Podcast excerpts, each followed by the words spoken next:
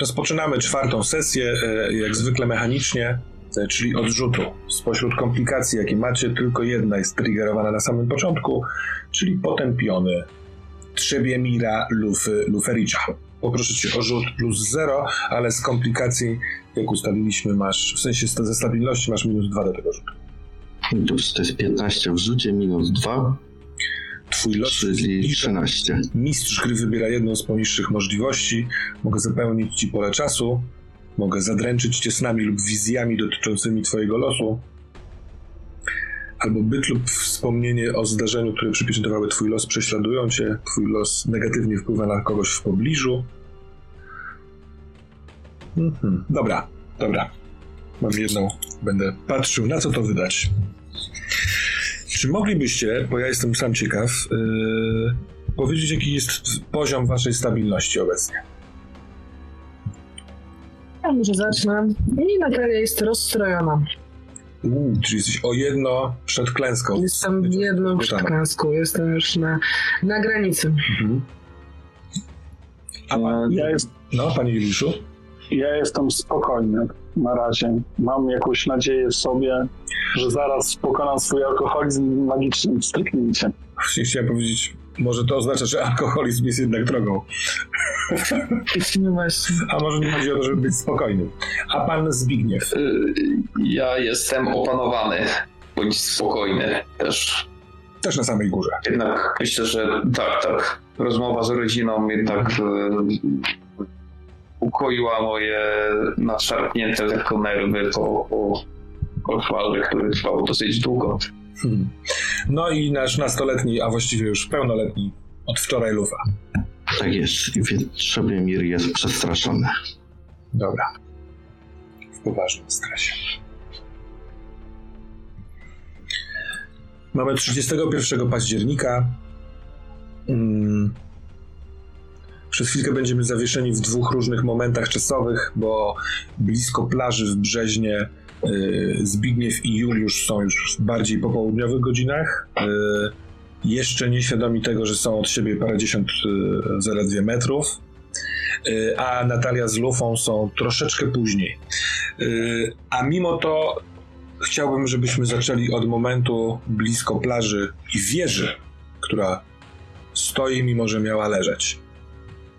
Właśnie na nią patrzysz Zbigniewie, y, mając pod rękę swą małżonkę Agnieszkę, y, trzymając parasol zapewne, albo może ona trzyma, bo niestety deszcz nie, nie chce darować. Ja trzymam teraz. I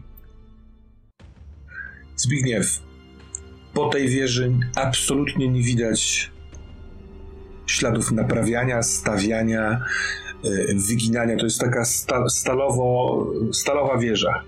Można by sobie wyobrazić, że jeżeli coś ją przeciążyło, to uderzenie pioruna, to któreś z tych struktur, tych wiesz, masztów będzie wygięty, albo będzie, od, odpadnie lakier albo krzaki, na które spadła, będą po przyciśnięte. Nic takiego. Się nie dzieje. Mm, mm. To mnie, to mnie zastanawia, bo prawdopodobnie na ta wieża już była y, stara, znaczy, albo inaczej, miała jakieś oznaki że dłuższej żywotności i ta wieża nie wygląda tak, jakby ją ktoś tam bardzo szybko postawił na nowo, tylko po prostu tak, jakby to w ogóle nie miało miejsca, to co się działo wcześniej. Poza tym jest niedziela i minęło parę godzin. Właśnie. Deszcz wali o parasolkę. Agnieszka pyta, co się stało? Czemu stoimy? Ta wieża się zawaliła wczoraj w nocy. Słucham? Jak to się zawaliła w nocy? Już, e, opowiadałem ci o tym, co się działo wczoraj, tak? No i ta wieża się zawaliła, przecież była policja, świadkowie inni, więc na pewno będą to w stanie potwierdzić. Czy policja tu miała szukać, czy ktoś tam nie będzie pod tą wieżą leżał, jacyś ranni. To wygląda na to, że mamy sprawnie działające służby. Czy coś. Przynajmniej Niedzielę? Ciężko mi to uwierzyć w naszym kraju, żeby to tak szybko zrobili. patrzy na ciebie le lekko zaskoczona. Ale to znaczy, chcesz mi powiedzieć, że się przewidziałeś wczoraj? Nie, no właśnie. Nie, nie, nie to miałem na myśli, tylko czemu tak szybko. Nie wiem, nie rozumiem tego. Co, co, co tu się stało? No. Że, ta wieża wygląda tak jak ostatnią widziałaś, nie? Nic, nic się w niej nie zmieniło. No jest już od dawna nie, nie przyglądam się tej wieży. Po prostu jest jednym z elementów takich oczywistych krajobrazu, po którym spacerujemy, ale nie, wydaje mi się, że nie. Nie no, na pewno już ty dostrzegasz takie szczegóły, o których to mi się to w życiu nie śniło, więc no to byś zauważyła, jakby coś innego tutaj z nią było. Daj już spokój tej wieży, to bez sensu coś... No nic, no chodźmy dalej. Przejdziemy się pod pomnik Mickiewicza? Czemu nie? Żeby podejść do, pom- pod, pom- na pomnik ten e, Mickiewicza, trzeba od wieży odejść taką alejką w parku i po 20 powiedzmy metrach jest e, placyk taki betonowy, ławeczki dookoła i schodki na górę na ten nasyp ze schronem. Kiedy wchodzicie w alejkę parkową, to widzisz dwie postaci. Jedną znasz doskonale, bo to twoja córka. Kaśka siedzi na oparciu ławki, mimo deszczu, e, jednej z tych e, parkowych ławek. Ma nogi na siedzeniu, i patrzy w waszą stronę. Może w waszą stronę, w stronę wieży, od której odchodzicie. Natomiast próbuje nie rozmawiać z kimś, kto ewidentnie czegoś od niej chce. Obok ławki stoi facet, chyba lump, ma bardzo taki długi, brudny, podarty płaszcz. E, on stoi tyłem teraz do was, więc trudno ci stwierdzić cokolwiek innego, poza tym, że no ewidentnie ciuchy, e, trochę pos- postawa ciała, bo jest taki przygarbiony, e, siatka taka plastikowa do zbierania butelek. To wygląda jakby to był taki żulik. I on się nachyla na, nad e, Kaśką, a Kaśka tak y, od, odchyla się, żeby nie być blisko w kontakcie, bo możliwe, że jest smród. Nie chce z nim za bardzo gadać. To jest tak jakby w prawo od, od was, czyli odciąga was od pomnika trochę. Proszę, Agnieszka Kaśka. Do Weroniki nie miała iść czas? No dokładnie. Jakiś-. No, Jakiś żul? To dobra, chodź, chodźmy, no. Idziemy, idziemy, jasne. I... Naj- Najpierw do tego faceta mówię. Y, Czego pan chce od mojej córki? Na twoje zawołanie reaguje Kaśka, która dostrzega ciebie i matkę i no, znasz ją całe jej życie, więc od razu to, to widzisz. Ona wstydzi się, że tutaj ją widzicie. Tak jakby chciała coś ukryć.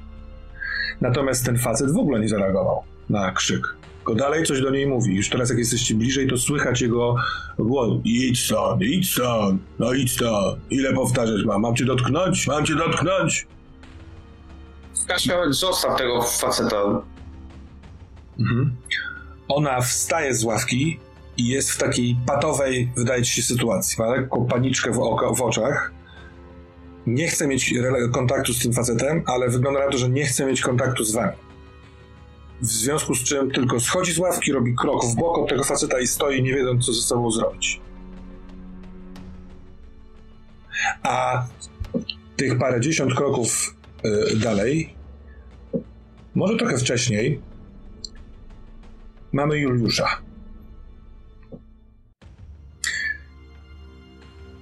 Pomnik Mickiewicza jest usytuowany na takim no, metrowym, powiedzmy, cokoliku. On jest takiej, powiedzmy, no, wydaje mi się, dosyć stereo- stereotypowej e, postaci. Ma płaszcz z postawionym kołnierzem, burzę loków, zastąpioną minę.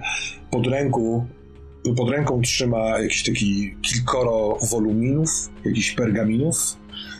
No, ten poły płaszcza trochę są rozwia- rozwiane, tak jakby on stał tu i patrzył w morze i ten morski wiatr mu rozwiewał ten płaszcz.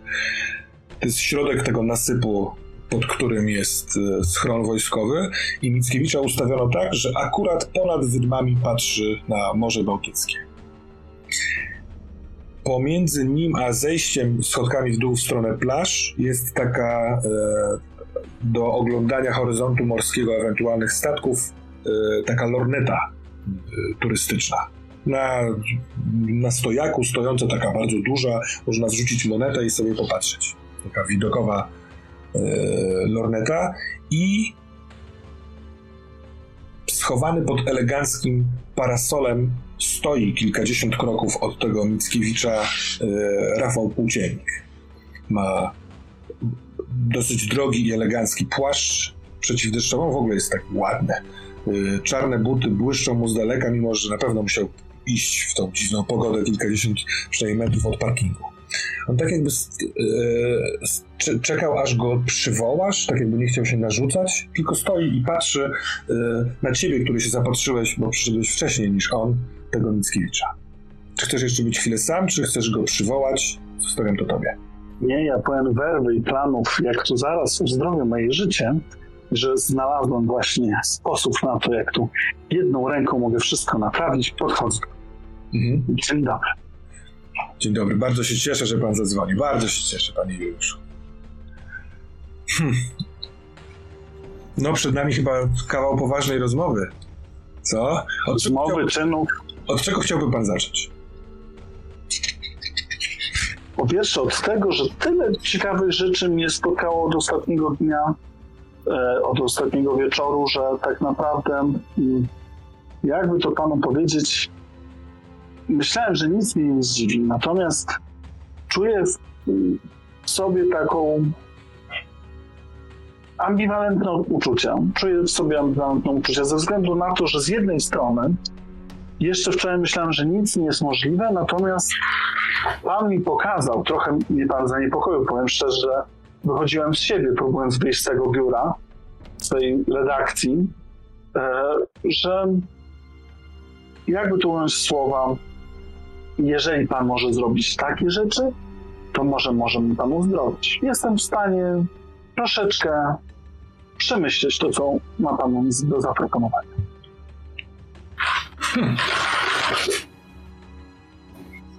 Panie Juliuszu, na czas naszej rozmowy bardzo proszę nie wyrażać sceptycyzmu wobec moich umiejętności.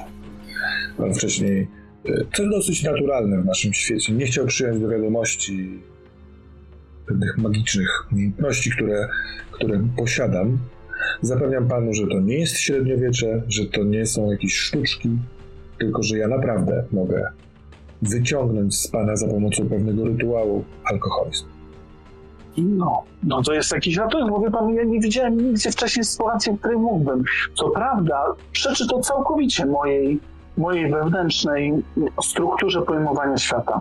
Ale jeżeli jest ratunek, nawet jestem w stanie w to uwierzyć. Najpierw wieczór, który myślałem, że był jedną wielką mamą, a potem ten poranek, no, świat mnie zadziwia. Jeżeli pan w stanie jest to zrobić, to ja... Ma pan moją uwagę. Ma pan moją uwagę. Zatem będziemy musieli się spotkać e, w moim biurze. Nie w, Teraz. nie w gabinecie, tylko w moim biurze. Nie, niestety nie teraz. Jutro w ciągu dnia e, służę uprzejmie, możemy zaraz umówić się na godzinę. E, teraz niestety nieco pilniejsze sprawy sprawiają, że no, będę musiał poprosić pana o kredyt zaufania i najpierw dostać od pana pańską stronę, a później pomóc panu. Dobrze, ale jakby to panu powiedzieć, do jutra mogę nie być w takiej werwie. Nie dałoby się przyspieszyć jakoś tego rytuału. Jakoś, nie wiem, Możliwe, że zaraz zobaczy pan rzeczy, które sprawią, że ta werwa panu szybko nie zgaśnie. no dobrze. Dobrze, to już nie przerwę. Panie Juliuszu, pan ma przedmiot, który przekazała panu pańska matka. Pańska matka, tak jak i pan, tak jak i jej przodkowie. Jesteście strażnikami. Ten ród strażników od dawien dawna, od nie, nieskończonej ilości lat opiekuje się tym miejscem.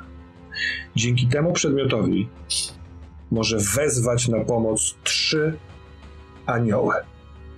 Niech pan zważy, jak to szalenie brzmi, ale chwilkę pan w tym pobędzie i za chwilkę zobaczy pan, że jest to możliwe.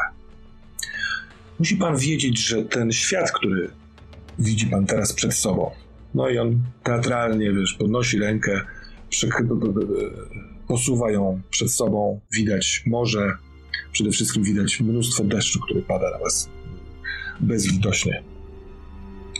Jest bezpiecznym miejscem, które nie tak długo będzie bezpieczne. Na pewno spotkał Pan się w jakichś fantastycznych podaniach o równoległych rzeczywistościach, o demonicznych przestrzeniach. I okazuje się, że dużo w tym prawdy. Do naszego świata już niedługo możliwe, że wedrą się bardzo, bardzo potężne demony i rozszarpią ten świat, tak jak to można oglądać w filmach science fiction. Tylko, że tym razem stanie się to naprawdę.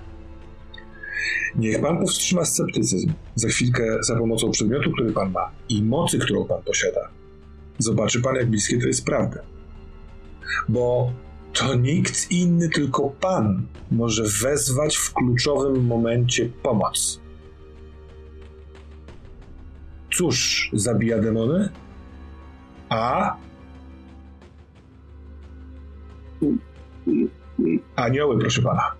No ja wiem, że anioły, no tak, logiczne, Przejdźmy do rzeczy, bo pan, bo pan jest nieprzekonany. Czy może pan y, wyjąć z kieszeni ten przedmiot? Przysięgam, że nie wezmę go do ręki. Mhm.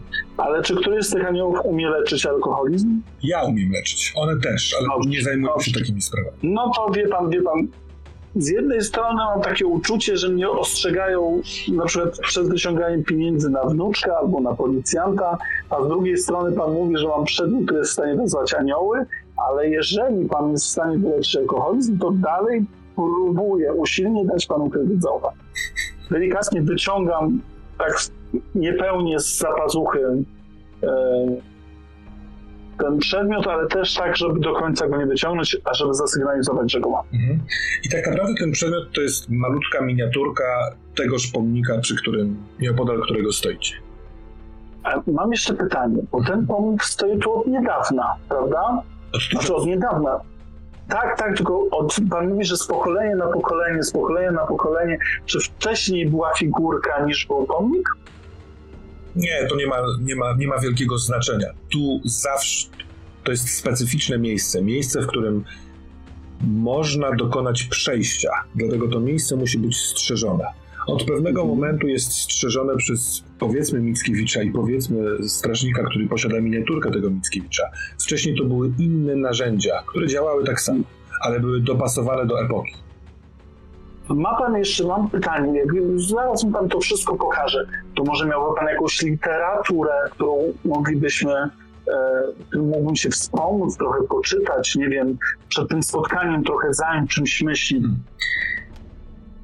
Jest kilka książek, które opowiadają o rytuałach takich jak ten, który będę przeprowadzał na pan. Ale nie wiem, czy będzie miał pan dzisiaj czas to przestudiować. Natomiast oczywiście... Bardziej taka historia, wie pan, anioły, e, Tak, siły. Jeśli pan będzie sobie życzył, to y, jutro nawet mogę panu udostępnić moją własną bibliotekę. Dobrze. Hmm? Jutro. Dobrze, dobrze. Mhm. Dobrze.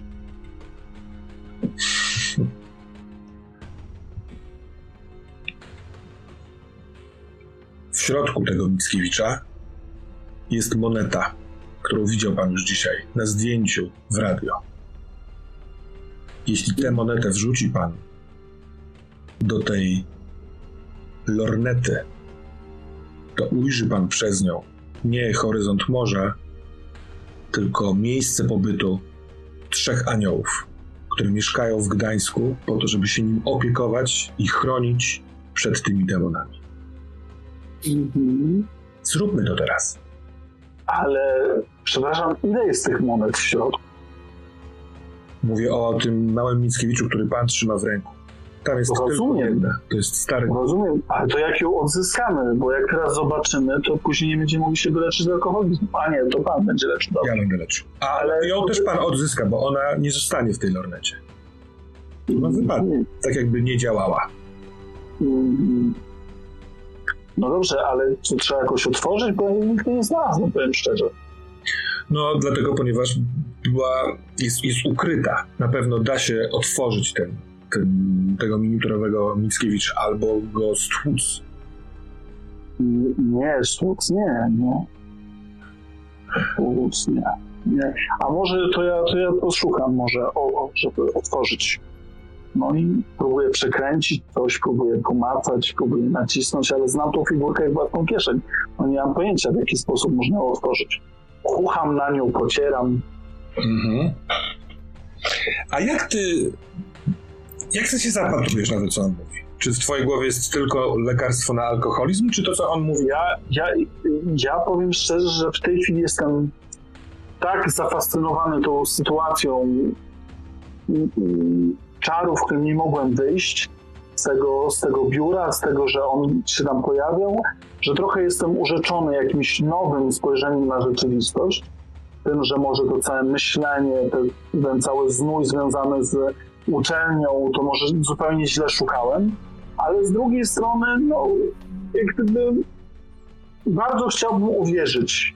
Bardzo chciałbym uwierzyć, że można wyleczyć alkoholizm i bardzo chciałbym uwierzyć, że są aniołowie, choć nie przechodzi mi to łatwo. Mhm. Nie dziwię się.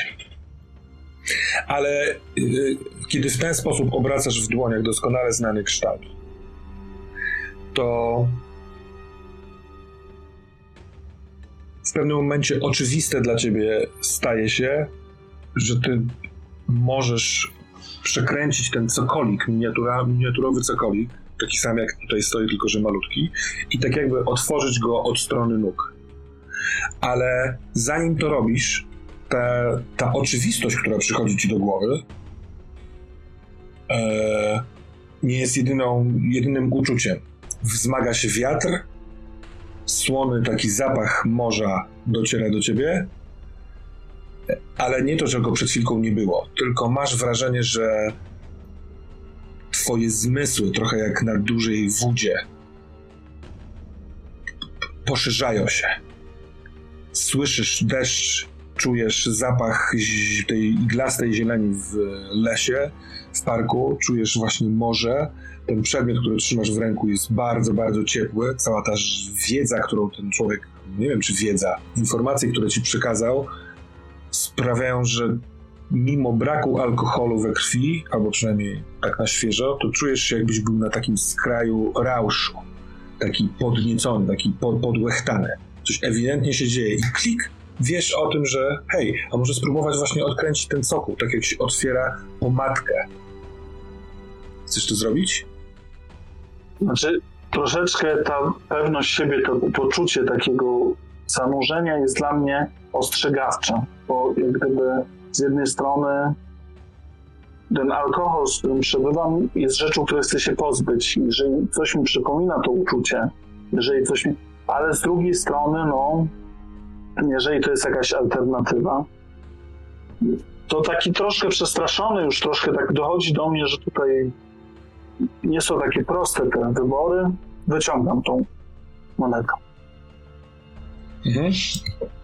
Oczywiście ta podstawka daje się odkręcić, jakby była na gwincie. Na razie myślenie o tym, dlaczego wcześniej nawet nie, ani się na ciut nie poruszyła, jest nieistotne. I kiedy odwracasz Mickiewicza i zaglądasz mu jakby do wnętrza jego nóg, to jest tam wciśnięta e, złotawego koloru moneta. Wyciągasz ją, czy nie? Wyciągam, natomiast zaczyna do mnie dochodzić, że ten człowiek może mieć rację, skąd on wiedział, że tam jest moneta. Jak gdyby, jeżeli on mówi poważnie, skąd on ma te informacje. Moja matka i jej przodkowie byli strażnikami, byli...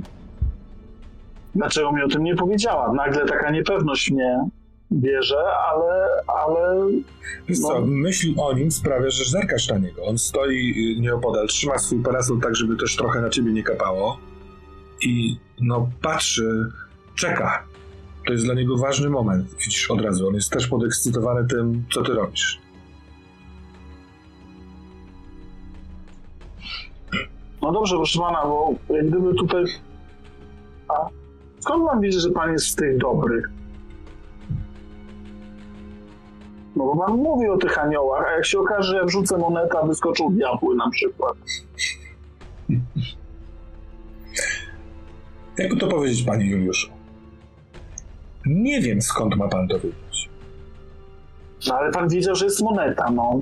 Proszę pana, ja całe życie przepracowałem na uczelni. Jak gdyby wszystko próbując tłumaczyć logiką. I tu trochę logiki jest, bo pan mówi, że będzie moneta, jest moneta, a zaraz potem pojawiają się anioły i diabły, no. Jak gdyby, czy tam potwory, czy coś, co pożera świat. No dobrze. Powiem Jak- panu szczerze, że teraz już tak niepewnie się czuję, ale oczywiście spróbujmy, no.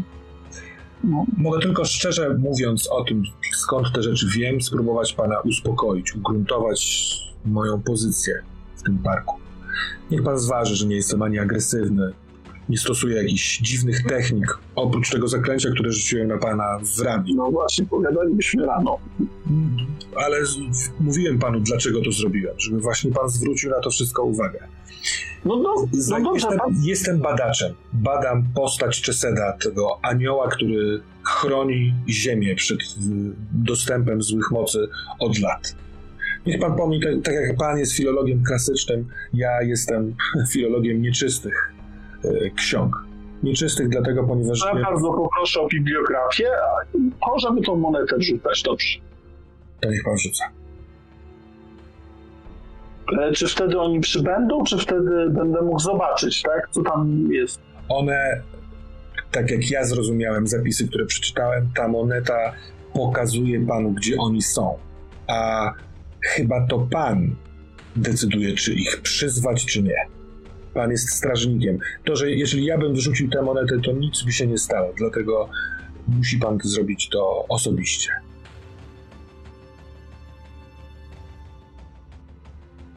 No dobrze, dobrze, dobrze.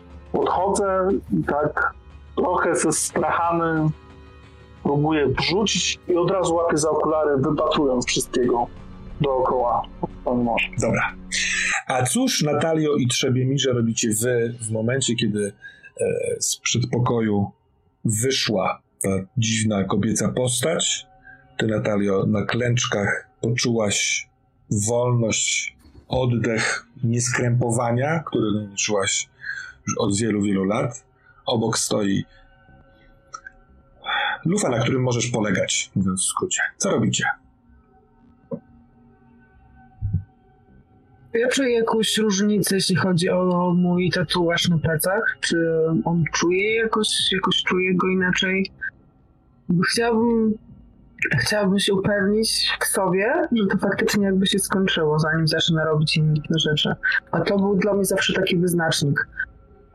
Jego istnienie. Mm, czujesz jego istnienie. Tak samo jak od wielu, wielu lat czujesz, że on tam jest, trochę swędząco drapiący. Na tle się przyzwyczaiłaś, że właśnie musisz przywołać, tak, tak jak teraz to robisz, tak jakby swoją uwagę na, na plecy. I kiedy zwracasz uwagę, to on tam cały czas jest. Coś, jakby coś cię przypiekło. To się nie zmieniło. To się zmieniło. Jaką mam pewność, że to faktycznie się skończyło.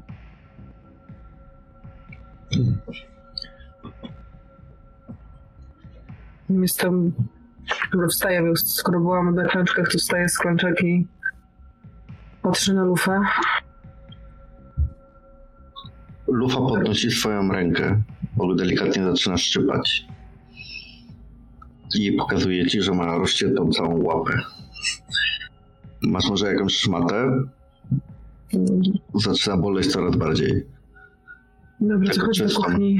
Chodź do kuchni, spróbuj się to jakoś zamontażować. Yy, I chyba musimy pogadać, wiesz? Na to liczyłem przychodząc tutaj. Na pewno nie na, na walankę z jakimś. Tak właściwie. Co to było? Co to było, Luka? Co to było? Chodź do kuchni.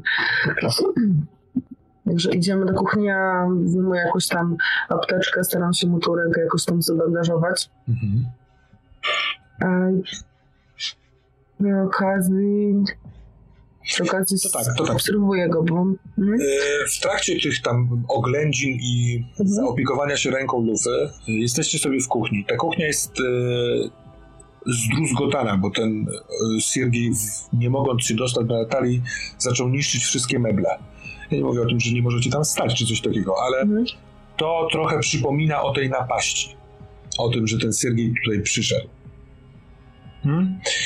Twoja rana, Trzebemir, rzeczywiście wymaga zabandażowania, ale y, ktoś, kto ma szansę na karierę pianisty, pewnie by chciał zszyć to, ale ktoś taki jak myślę o tobie, Lufa, czyli lubiący piłkę nożną oraz bohaterstwo, niekoniecznie musiałby to zszyć. To nie jest jakby wymagane. To raczej kwestia Mhm. estetyczna.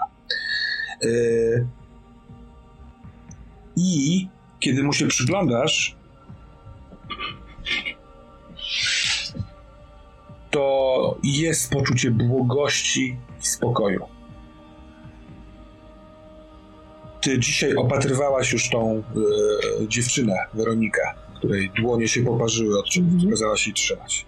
Teraz też wykonujesz takie, takie, powiedzmy, pielęgniarskie czynności, ale teraz czujesz coś dobrego w tym. Jakąś harmonię tego, że to ty leczysz lufę. I to może bardziej niż słowa opisu dotrze do ciebie, kiedy odzyskasz dwa punkty stabilności.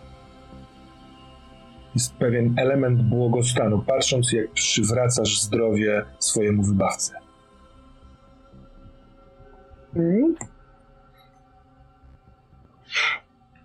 Zaczynam myśleć, dlaczego nagle patrzę, no, to- no fak, faktycznie w sumie no, wybawił mnie od tego, ale skąd nagle takie ciepło, takie uczucie. Przypomina mi się to, że widziałam, widziałam w nim tą ciepło, tą ciepło, tą potęgę, taką samą jak w tym kamieniu, jak w, na, w tym pierścieniu. I Lufa, możesz mi pokazać ten pierścień jeszcze raz? Mhm. I chciałabym go, chciałabym go wziąć do ręki i chciałabym spróbować spojrzeć przez iluzję. Mhm. Dobrze, poproszę cię o rzut w takim wypadku. Do tego rzutu dodaje się duszę oraz jak Mhm. jesteś zatrwożona, jak rozumiem, to masz jeszcze plus. Ja jestem zatrwożona.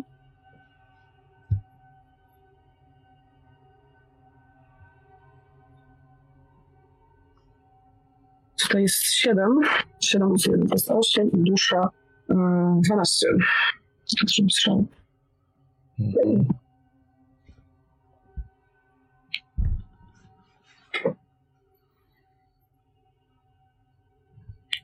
Ten pierścień, e, mm, on jest ewidentnie połączony z, z lufą, bo kiedy patrzysz sobie na ten pierścień, to jest duży, taki duży wręcz kiczowaty, taki jak kojarzysz się, nie wiem, z jakimś takim pierścieniem króla jakiegoś. Ale to odrobinkę za duży, żeby nosić w innych okolicznościach niż bal przybierańców. E, Natomiast no, jest pięknym, szlachetnym, bardzo ładnie oszlifowanym kamieniem i jak blisko ciebie stoi lufa i tam, nie wiem, poprawia sobie bandaż, który mu założyłaś, tam opatrunek, to ty jesteś absolutnie świadoma, tak jak przed chwilką tego błogostanu, tak teraz tego, że pierścień uruchamia moc lufy i no, e, odwrotnie. Kolor pierścienia też nie jest absolutnie przypadkowy. To krew lufy której, którą właśnie zata, zata- zatamowałaś jej ubytek. Może to stąd ten spokój. Jest istotnym elementem. I ona jest w tym pierścieniu. pierścieniu. Ale skoro jest w tym pierścieniu, a jakiś czas temu widziała, przypomniało ci się, że ten pierścień też był na palcu kogoś, kto, dzięki któremu zawarłaś ten dziwny swój pakt. Jest więcej takich pierścieni? Czy to był ten sam pierścień? Czy oni są jakoś ze sobą związani? ale pytanie, które zadałaś sobie ciut wcześniej, teraz też otrzymuje odpowiedź. Twój tatuaż się skończył. On jest gotowy. To, że go teraz czujesz na plecach cały czas. mm, to nie jest rośnięcie tego. Tak wcześniej myślałaś, że czujesz go dlatego, że on się cały czas powiększa. Ale nie, teraz gdybyś mogła spojrzeć ten zestaw luster w łazience, to zobaczyłabyś że on jest dokończony. Mam tego świadomość teraz. Tak, tak. Ten cały moment krótki w kuchni teraz jest, e, myślę, że dla kogoś takiego jak ty, zainteresowanego okultyzmem, to nie jest jakiś co- coś zupełnie nowego, ale teraz jest ten moment uniesienia pewnej równowagi wszechświata. Kliknęło wszystko. Twoje wiedza, zaklęcia, duchowa postać tej wzruszonej i ujętej anielicy, która stała w przedpokoju. Ona powiedziała, ojejku, jak wy pięknie razem wyglądacie. Wy jesteście dla siebie. To, że ty widzisz ten pierścień i ty to rozumiesz, skąd jest ta, e, jego moc, tylko ty to będziesz rozumiała. Coś was połączyło. A tak odnośnie tego pierścienia, Natalia, e, bo przyszedłem tutaj. Pamiętasz te znaki, co ten, co się zachwyciłaś, że je znam wczoraj? Albo w sumie dzisiaj rano. Niekoniecznie, niekoniecznie chyba dobre słowo zachwyciłam, ale no zdecydowanie zwróciło to moją uwagę. Więc znalazłem więcej tych znaków w albumie rodzinnym mojej matki. A może wiesz co one znaczą? No ja wiem tylko tyle, że coś kazało mi je ryć, rysować wszędzie. Powiem ci tak, od wielu, wielu lat, kiedy zawarłam ten pakt, który mam nadzieję, że przed chwilą się skończył, e, W ogóle w czym to było? To coś na, w przedpokoju? to była Malkut. W sumie od Spoko, wszystko jasne. Od paru godzin, Teraz od już paru rozumiem. godzin wiem, od paru, od paru godzin w sumie też wiem, jak, jak ma na imię. E, A co do tych znaków, to faktycznie no, znam dużo symboli, znam dużo różnych e, okultystycznych rzeczy, ale nigdy nie dowiedziałam się, czym są te znaki. Po prostu coś kazało mi, jakiś przymus, tak? Kazał mi je rysować, kazał mi je ryć. E, e, więc jak okazało się, że ty je kojarzysz, miałam nadzieję, że może ty stanie mi powiedzieć. A skąd je w ogóle kojarzysz? Jeszcze raz mi przypomnij. A, wiesz co, występują w różnych miejscach, e, kiedy moja matka przebywała ze swoimi przyjaciółmi, kimś takim. Ciężko mi powiedzieć, kto to jest, chyba jej znajomi. Czasem mam dziwne wspomnienia też i ukazują mi się No. moja matka i ci ludzie i gdzieś te znaki w ich przestrzeni występują. Na ubraniach. Zresztą nie wiem, czy zwróciłaś uwagę, kobieta też to miała. Ta Ma- Malker, mal, mal, mal, Malkut. no właśnie. Ja nie wiem, czy może i miała. Ja byłam bardziej skupiona na tym, że, że to jest ona, że to jest ta istota, z którą, z którą wtedy zawarłam ten pakt i która jest jedynym rozwiązaniem moich wszystkich problemów.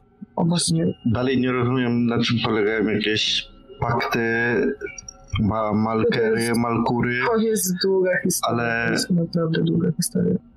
I smutna. Ale mam nadzieję, że już się skończyło. Eee, o, słuchaj, Czy rozumiem, że to jest tak jak w tych książkach z liceum, tak? Że teraz gdzieś będziemy musieli przejść do kolejnego rozdziału i znaleźć mapę, tak? Żeby się spotkać z kimś.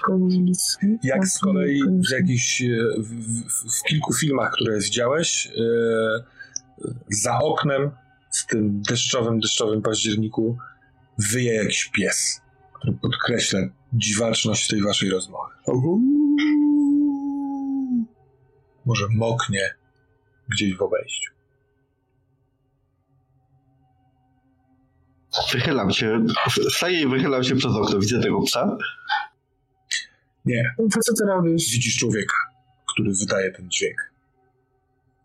Stoi e, na przystanku autobusowym po drugiej stronie ulicy, mm, jakby od- naprzeciwko wejścia do tego budynku, do tej klatki. I stoi na przystanku, podnosi głowę wysoko i wydaje z siebie wyjący dźwięk. I nie tylko ten dźwięk jest, zwraca swoją uwagę.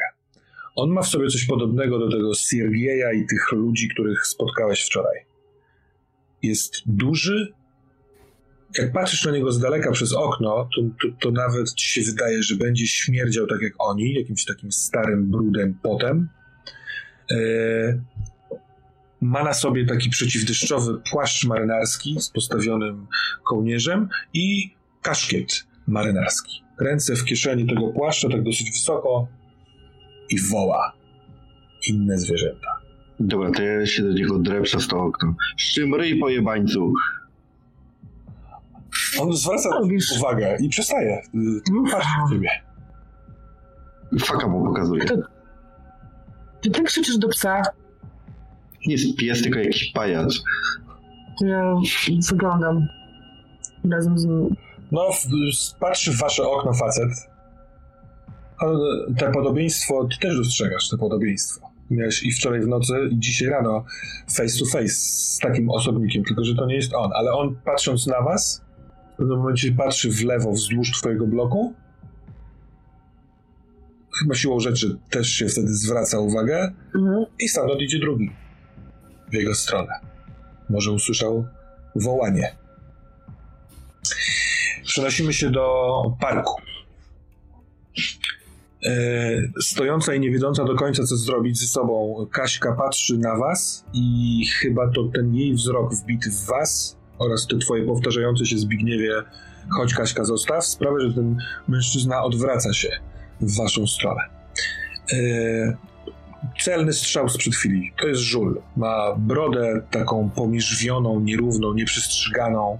Ma na, na miejscu tutaj na wąsach e, mokre od pewnie kataru, który już w niekontrolowany sposób wypływa z tego nosa. Krzeczaste brwi, takie zdecydowanie za duże. E,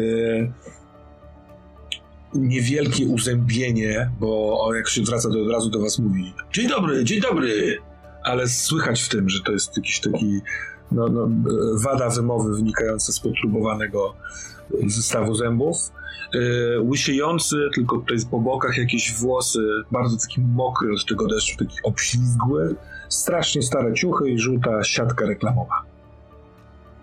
No idź, idź do nich, idź do nich, idź do nich. Nie wstyd panu zaczepiać młodą dziewczynę. Niech nie idzie na wieżę, niech nie idzie na wieżę. Pokazuje palcem za twoje plecy. Na wieżę chciała iść. Kaśka, o czym ten pan mówi? Ona na- te jego hasła na wieżę rzeczywiście dostaje rezonu i idzie w waszą stronę. Ja, nie chciałam wcale iść na żadną wieżę. Nie po prostu siedziałem tu, patrzyłam, bo się umówiłam z Weroniką, tylko że ona nie przychodzi. Idź stąd! Idź stąd! Tak jakby szczekał za waszych pleców. Panie! Ta wieża nie, już, już ta wieża nie jest, nie jest stąd, ta wieża. Ta wieża nie jest z Brzezina. co pan wygaduje? A skąd jest ta wieża niby? Zamknij pan oczy. Otworzysz pan oczy i jej tu nie będzie. Otworzysz znowu i ona będzie. tak jest. Nie puszczaj pan córki tutaj. Głupia dziewczyna. Nie głupia, nie, nie obrażaj pan mojej córki. A co, co, pan też widział to, że co, ta wieża znika, pojawia się, bo przecież wczoraj ta wieża się zawaliła. Wie pan coś o tym? Ta wieża się nie da zawalić. Znaczy, ta, tej, tej, tej wieży tu nie ma. Jak ma się zawalić coś, czego tu nie ma? Patrzysz pan na wieżę i jest wieża, ale tylko ona jest po to, żeby takie głupie przychodzili tam. Nie czujecie tam, nie czujecie stamtąd smrodu? Jakoś tak instynktownie, jak powiedział o tym, no to tak zaciągam losem. Wiesz, gdyby nie wiatr, świeże powietrze i deszcz, to od niego byłoby czuć ewidentnie smród. On jest klejący, brudny i mokry od deszczu. Twoja żona y, zagarnia y, Kaśkę, tak jakby pod parasol i ewidentnie chce zerwać te, te, te komunikacje. Co ty tutaj robisz, Kasiu? Mówi tak jakby cicho do niej. Mama, naprawdę, ja chciałem się spotkać z Weroniką, ale no nie przychodzi, napisałem SMS-a i przyszedł ten facet, no i każe mi stąd iść. Dobra, chodźmy. Chodźmy po ten pomnik Mickiewicza, może. Na pomnik Mickiewicza e, ten facet mówi Ja też tam szedłem. Chodźmy, chodźmy. Agnieszka się zatrzymuje. Ja tak. W zasadzie to, No to, to to, to ja. Co pan tam szuka po tym? Co pan chce od tego pomnika? Jak to, co chce? Nie, ja nic nie chcę, to on ode mnie chce. On do mnie mówi wiersz. Dobra, chodźcie dziewczyny. Tak, ja z takim już y, podejściem, że gość wypił za dużo i, i brezi totalnie, aczkolwiek te jego teksty o wieży... On się zmienia. W sensie nie, nie fizycznie, tylko on e, z takiego chichoczącego typka nagle spojrzał w stronę tej, tego pagórka z e, Mickiewiczem, otworzył oczy, szeroko e, twarz, jakby e, usta. Mm, W jednej ręce cały czas trzymał siatkę, a drugą trzymał swój płaszcz, pewnie chroniąc, ale teraz obie ręce mu się prostują. Jest taki jakby się zdziwił czymś, co się dzieje w, e, z tym Mickiewiczem. Otworzył się na to. Poły jego płaszcza e, odchylają się.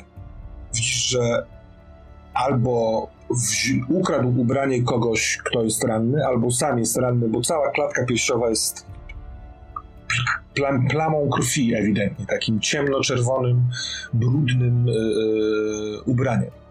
Ale on... O! I rusza powoli w tamtą stronę. Ja patrzę w tamtą stronę też, w stronę tego pomnika, bo, bo ciekawie mnie, co taką reakcję u niego wywołało. Mhm. Dobra. Juliusz. Przytykasz oczy do lornety i widzisz, że tak jakby z, po drugiej strony z, z tego okularu wychodzą trzy takie świetliste pręgi, takie, takie jakby paski. I tak jakby światłowody. One szybko za, zawijają się w górę i tak jakby wzlatywały ponad ten okular. Rozumiesz? Widać normalnie morze, Mhm. widać horyzont, tylko czy jestem w stanie i śledzić. Trochę Tak, tak. tak, ale przysuwasz trochę do góry, żeby patrzył tam za, za tymi ś- jakby światłowodami, ale nie da się za wysoko, tylko teraz e, okular jest skierowany w niebo, zachmurzone, deszczowe, y, a te wstęgi cały czas się zawijają za was. Trochę tak jakby były skierowane nie w stronę morza, tylko w stronę miasta. Chcesz spróbować spoj- spojrzeć poza okularem? No właśnie chciałem to zrobić, znaczy spojrzeć najpierw nad okular, czy widzę te wstęgi. Znaczy wziąć oczy Dobra. okular i zobaczyć, czy widzę te wstęgi w tym samym miejscu, które widziałem w okularze. widzisz. Są piękne. One wystartowują z soczewki.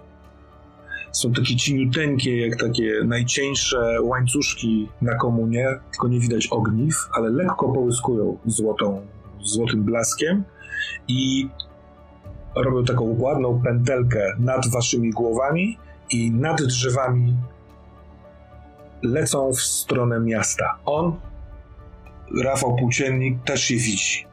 Jest oniemiały i... Panie Juliuszu, widzi pan? Widzi pan? Gdzie, gdzie, gdzie to prowadzi? Niech pan powie, gdzie to prowadzi. Ja próbuję zdiagnozować, czy nie jestem napruty. Czy nie jestem pod wpływem alkoholu. Kiedy ostatnio piłem i próbuję trochę tak, nie wiem, ścisnąć się w rękę, zobaczyć, czy to nie jest jak gdyby, czy cała, całe to wydarzenie nie jest jakąś moją senną marą. Próbuję gdzieś... Dobra. mm, Po pierwsze, piłeś setkę, kiedy opuściłeś Stacha i zajrzałeś do żabki, wiedząc, że nadchodzi kres twojego alkoholizmu, w ten sposób myślałeś, żeby się z nim można pożegnać. Więc ty masz w krwi alkohol. Czy jesteś napruty? To oczywiście nie, bo przy takim doświadczeniu trzeba trochę więcej się napić. Natomiast o ile mm, jakby to powiedzieć, taki wrażliwość skóry i ciała jest podobna trochę do tego momentu, kiedy zaczynasz być pijany, tak teraz jest to błogie, przyjemne. Zau- Zauważasz, że oddychasz bardzo głęboko i spokojnie. Dobrze, to pierwszą rzecz, zanim e, zareaguję, sprawdzam e, panicznie, czy moneta wypadła. Tak, ona jest w tym takim koszyczku do, no wiesz, jak się wrzuca monetę, czasami e, mechanizm nie działa i ona wypada. To, to ja patrzę na te linie, wyciągam monetę i czy one nie znikają. Nie, one zaczynają bleknąć. A, Tak jakby jeszcze chwilkę e, e, będziesz je widział. Dobrze, to ładuję je szybko do tego, e, do tego pomnika, stoję go do tej figurki. Do kieszeni mówi, no dobra, no i panie, no widzimy, tylko gdzie to prowadzi, no. I to chyba znikać zaczyna. Chcesz spróbować zobaczyć, dokąd to prowadzi? Co na to? Panie płóciennik, idziemy? Nie, nie, a pan, pan nie wie, dokąd to prowadzi? Pan musi to wiedzieć. Gdzie, gdzie, No gdzie? pan mi powiedział, że zaraz zobaczę, dokąd, gdzie są ci aniołowie, no. No to ja pierwszy raz to na oczy widzę, człowieniu. Jedna z, Grajmy w tą grę, ale... z tych wstęg e, skręca mocno w prawo, w las, w, w stronę po trochu knajpy, w której pracuje Natalia. Stamtąd nadbiegliście wczoraj, a dwie ewidentnie ponad e, drzewkami lecą w stronę Wrzeszcza albo centrum miasta. Tylko ta, ta, ta co krę- skręca w prawo, niknie pomiędzy drzewami, a te, y, które są nad drzewami i lecą w miasto, po prostu, ro- wiesz, za daleko jest, żeby spojrzeć, ale ty masz wrażenie, że ty, może, ty, ty wiesz, może przez ten okular trzeba spojrzeć jakoś, może coś trzeba jeszcze zrobić? Dobra, to wracam do okulara, wrzucam do drugi raz i próbuję odkręcić o s- y, 180 stopni e, ten okular i stanę z drugiej strony i patrzę, gdzie prowadzą te linie. Dobra. Jesteś pewien, że on jest nieodkręcalny, ale ty go odkręcasz. Hyc. I kiedy spoglądasz jeszcze raz w ten okular, to proszę cię o rzut na przejrzyj iluzję. 14.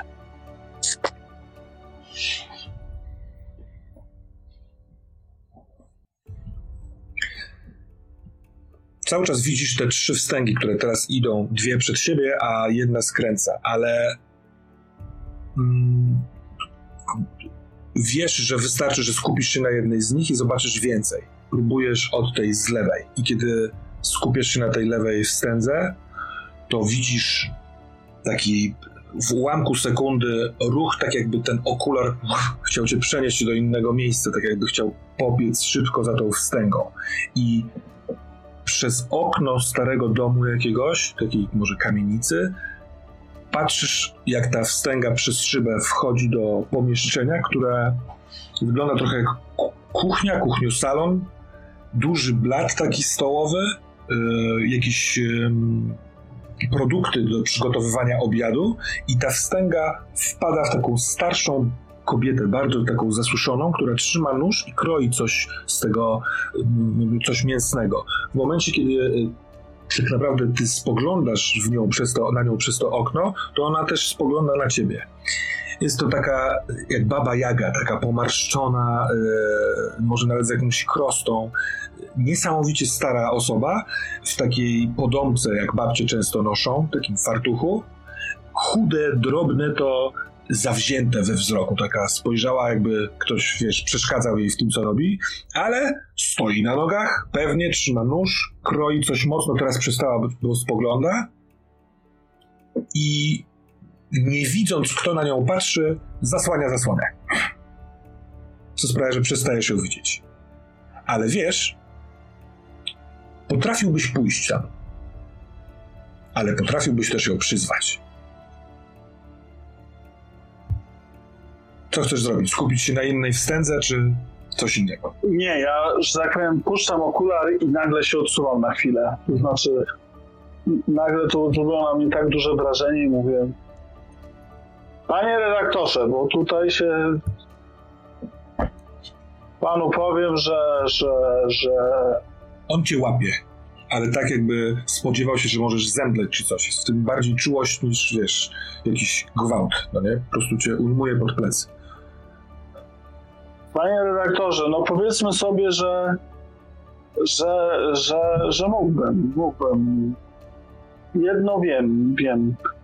Ale panie redaktorze, ile ma pan czasu? Bo pan mówi, że jakieś sprawy pan ma dzisiaj na mieście. Te sprawy, te sprawy. Panie, No ale pan miał mi zrobić. Muszę ich znaleźć, muszę ich odwiedzić. To są zagubione, połamane anioły. One już nie zadziałają, one nie uratują świata. To, to trzeba, trzeba nowych aniołów, ale żeby znaleźć nowe, to trzeba tych starych się pozbyć. Ale jak to się pozbyć, proszę pana? Bo... Niech pan się nie obawia, ja się tym zajmę.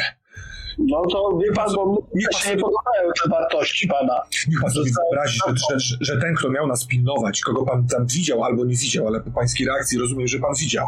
Ten ktoś już nie będzie chciał pomagać. Został przeciągnięty na drugą stronę. Rozumie pan? Tak jakby jest, jest szpiegiem drugiej strony. Jeżeli pan wezwie ich na pomoc, to oni nie przyjdą, by pomóc, tylko by pana zgładzić. Po to tu jestem. To, to, to miał pan umieć zrobić, tylko niestety został pan zamglony przez alkohol, który jest jedną z wielkich trucizn tego całego kłamstwa, które tu jest. To wszystko jest ze sobą połączone. A czy, czy pan jest kimś w rodzaju Wiktora Czyściciela? Po prostu dostaje pan telefon, jedzie i wymienia anioły na nowe, a starych pozbywa się w wannie zalewającej kwasem? No ja nie wiem, czym pan się zajmuje. Pomaganiem ludzi. Mam stowarzyszenie, które e, zajmuje się dawaniem otuchy ludziom, którzy czują, odczuwają lęki. W radio prowadzę program o starych czasach, żebyśmy nie zostali zalani tymi nowymi czasami. A prywatnie czytam stare księgi i pozyskuję z nich wiedzę. No ja rozumiem, tylko ja nie, nie wiem, bo proszę pana, mi się to wszystko podobało, bo te anioły to takie pozytywne, ale tutaj to jakiś, pan mówi o jakimś no, gwałcie, przemocy, no jak gdyby Co pan widział? To, czy, czy, czy ten ktoś wygląda, jakby chciał panu pomóc? No powiem szczerze, że, że, że nie była to taka spolegliwa osoba. To, no, to, to trzeba przyznać, że to nie była osoba przyjazna. Ale proszę pana, no dobrze, tylko proszę mi powiedzieć, no i ja już po- powiedzmy, że jestem w stanie, no jedną osobę to bym wiedział jak znaleźć. No zaraz mogę posiedzieć i pozobaczyć jeszcze raz, może drugą albo trzecią też bym był w stanie namierzyć. Ale proszę pana, no i co dalej? Co dalej będziemy robić? Ty też odczuwasz, Juliuszu, że jak mówisz, że mógłbyś ją znaleźć, że po prostu mógłbyś tu jej kazać przyjść. Ty możesz przyzwać ją. Ty masz to, to coś. Wystarczy, żebyś Ja, chciał. ja rozumiem, tylko przed chwilą ten pan powiedział mi, że jak gdyby jak ją wezmę, to mnie zaciuka. Ciebie nie zaciuka. I ja rozumiem, nie musisz mi się tłumaczyć, tylko to teraz się, y, to teraz w tobie gra. Jakby w, krw, w krwiobiegu twoim płynęła taka informacja. I to jest całkiem przyjemne. Ale on odpowiada ci, panie Juliuszu, to są poważne sprawy. Sam pan widzi. Ja, jeżeli panu teraz, nie wiem, zabiorę tę monetę, czy coś takiego, nic nie wskuram. Niech pan mi zaufa. Ja, ja, jak pana mam przekonać? No dobrze, proszę pana, to chwileczkę ja spróbuję, no, nie wiem czy mi się uda to drugi, za, za drugim razem, ale spróbujmy no te trzy lokalizacje namierzyć, a potem pomyślimy. Bo na razie wiem gdzie, jak dotrzeć do jednej. To chodź do okulara i próbuję wrzucić jeszcze raz. Okej, działa to znów tak samo. Yy, przyjemne poczucie kontroli, dla pijaka dosyć rzadkie i takiego, takiej, takiej stabilności w tym wszystkim, kiedy patrzysz przez okular i tą lewą wstęgę masz już powiedzmy obcykaną i zostają ci dwie, druga na wprost i jedna skręcająca w las. Co chcesz zrobić? na wprost. Na wprost, chcę zobaczyć. To wykonać jeszcze raz tą sztuczkę. Mhm. Się właśnie nauczyłem. I znów króciutki moment podróży, ułamek sekundy tak naprawdę, a ty, tak, jak, tak jakby ten okular stoi na progu jakiegoś gabinetu. E, raczej skromnego, e, schludnego, zestaw skojarzeń z przedmiotów, które widzisz, chyba lekarskiego. Szafka z, z koroszytami, z księgami, e, eskulap, powieszony taki obrazek na, na, na drugiej ścianie, za e, biurkiem i za osobą, która siedzi przy tym biurku, duże takie okno w starym budownictwie w takim stylu i las za tym oknem, a przy dużym biurku, na którym mnóstwo papierów, popielniczka z papierosem, taka trochę oldschoolowa, siedzi kobieta w wieku około 50 może lat, szczupła, wysoka, w białym kitlu, z, taką, z takim kokiem eleganckim, e, która pisała coś lewą ręką długopisem w jakimś notatniku, prawą ma wspartą łokieć łokciem o i trzyma papierosa i spogląda na ciebie. Ma delikatny makijaż, jest w niej coś takiego mm, szlacheckiego, wyniosłego, o może tak. Patrzy w twoją stronę, ale tak jakby nie widziała do końca, bo wiesz, rozgląda się, co też w jej progu stoi. I też wiesz, gdzie jest to miejsce. Ostatni nitka jeszcze. I ostatnia nitka, która skręca, ta, po tej krótkiej podróży, no nie jest już tak przyjemnie. bo nagle stoisz w środku płomieni. Te przybliżenie zabrało cię do e, miejsca, że aż lekko się cofasz od okularu, ale przez to dociera do ciebie, że to jest po drugiej stronie tej, tego optycznego urządzenia, tak jakbyś stał na progu płonącego domu, ale takiego płonącego już od powiedzmy godziny huk tych szczap y, odpadających od siebie. Te, te płomienie są białe do połowy, żółte od góry i gdzieś we wnętrzu tego ognia jest taki zarys, taki kontur kogoś, kto próbuje znaleźć wyjście. Ściska cię w środku coś, bo na taki zdrowy rozsądek nie ma szans, żeby się uratować z czegoś takiego. To aż dziwne, że aż w tak gorącym miejscu ktoś jeszcze walczy. I też wiesz, gdzie to jest, i też możesz tego kogoś przywołać. Właśnie o tym myślałem. Panie redaktorze, jest tak, że tamta osoba jest w płomieniach, ta jedna. E, I, i ja, ja czuję, że mogę ją przywołać, ale się boję. Pan mnie obroni? Niech pan nie przywołuje, niech pan tego nie robi. Nie jesteśmy gotowi. No rozumiem, ale tamta osoba zaraz, że tak powiem, zamieni się. Nie, nie, nie, to kłamstwo. To, co pan widzi, może być tylko symbolicznym obrazem, metaforą pewną ich upadku. Panie, panie Juliuszu, niech pan przestanie patrzeć. Niech, niech pan popatrzy na mnie.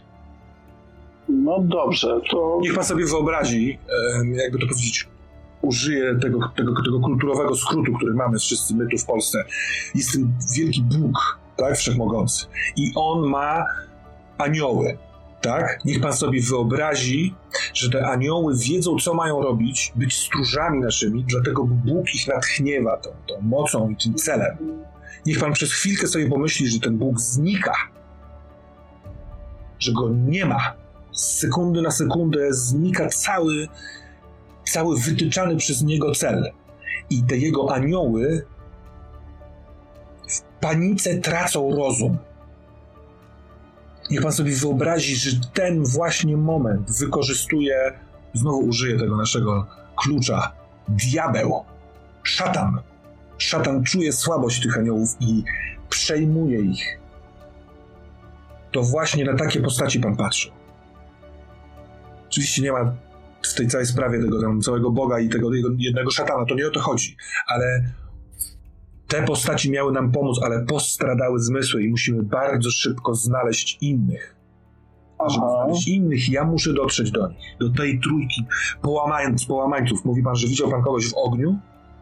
To jest ta płonący, płonąca dusza w tym kimś, rozumie pan? Ten byt, nie, nic mu się nie stanie, to jest niemożliwe. Panie, bo, czy, czy, czy, czy, czy, te postacie to na anioły nie wyglądały, tak panu powiem, no. Anioły, anioły to słowo, którego nawet w tych starych pismach znajdziemy, dlatego żebyśmy my tak mocno zatopieni w tej nomenklaturze religijnej byli w stanie sobie jakoś przełożyć. To są wyższe byty, to są strażnicy. Jeśli po drugiej stronie są demony, to to, są, to jest ich przeciwwara. Jak, jak pan chce ich nazwać? No, racjonalnie to rozumiem, tylko jeszcze wie pan, no, emocje muszą za tym nadążyć wszystkim, panu powiem, że. Więc. że znaczy racjonalnie, a logicznie jakoś rozumiem, ale no, to się trzyma kupy u pana, no. Proszę pana, to się trzyma kupy i o, o tyle, że dziś jak najszybciej muszę dotrzeć do nich. Nie sam, bo sam nie dałbym rady. Na szczęście mhm. nie jestem z tym sam ale ja panu obiecałem, że panu pomogę. Ja panu pomogę. Tylko niech mi pan powie, gdzie oni są. Zatrzyma no. pan monetę, wszystko pan zatrzyma. Tylko niech pan, aha, jeszcze jedno, niech pan ich nie przywołuje na miłość boską, tak powiem. Niech pan ich nie przywołuje. Oni przywołani wykorzystają to. O, jeśli pan chce, jeśli pan chce, możemy skalibrować pańską monetę jeśli pan użyje tej monety, żeby ich przywołać tutaj, bo będzie pan czuł, że tak trzeba, pan jest strażnikiem, to jest poważna sprawa, to jeśli pan chce, to mogę zrobić tak, żebym ja też się o tym dowiedział i wtedy gdziekolwiek będę, razem ze swoimi pomocnikami przybędziemy, przybędziemy żeby panu pomóc. Co pan na to? No ja bardziej nie chciałbym się tam angażować za bardzo w to. Mogę panu powiedzieć, gdzie oni są. No, ja tam nie jestem z tych wojowniczych. Ciągle czegoś nie rozumie. No dobrze, proszę pana, to, no to, bo pan mówi, że mam wielką moc, na razie troszkę odetchnąłem głębiej, ale jeszcze tej mocy, powiem panu, nie czuję. e, może po tym rytuale tąpi we mnie moc strażnika, aniołu czy coś.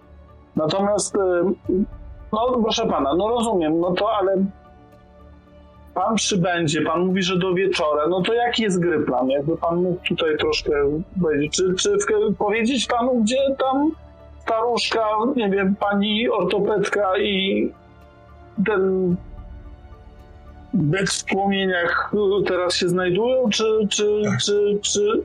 Pan, Gryplan, pan mi mówi, gdzie oni są. Ja opuszczam pana. I pan ze mną nie idzie. Nie możemy pana stracić, ani pan jest jedynym, e, e, który może uruchomić tę monetę.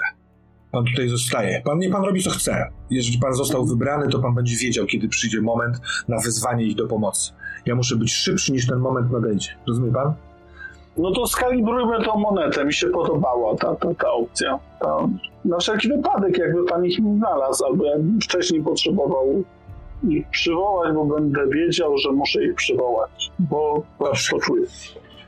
Niech pan, niech pan wyciągnie monetę przed siebie, trzymając ją pomiędzy palcem wskazującym a kciukiem. Ja się oglądam w lewo, oglądam w prawo, patrzę, czy nikt na nas nie patrzy i Nie, tam tutaj pogoda jest taka, że raczej nikt nie chodzi na spacery.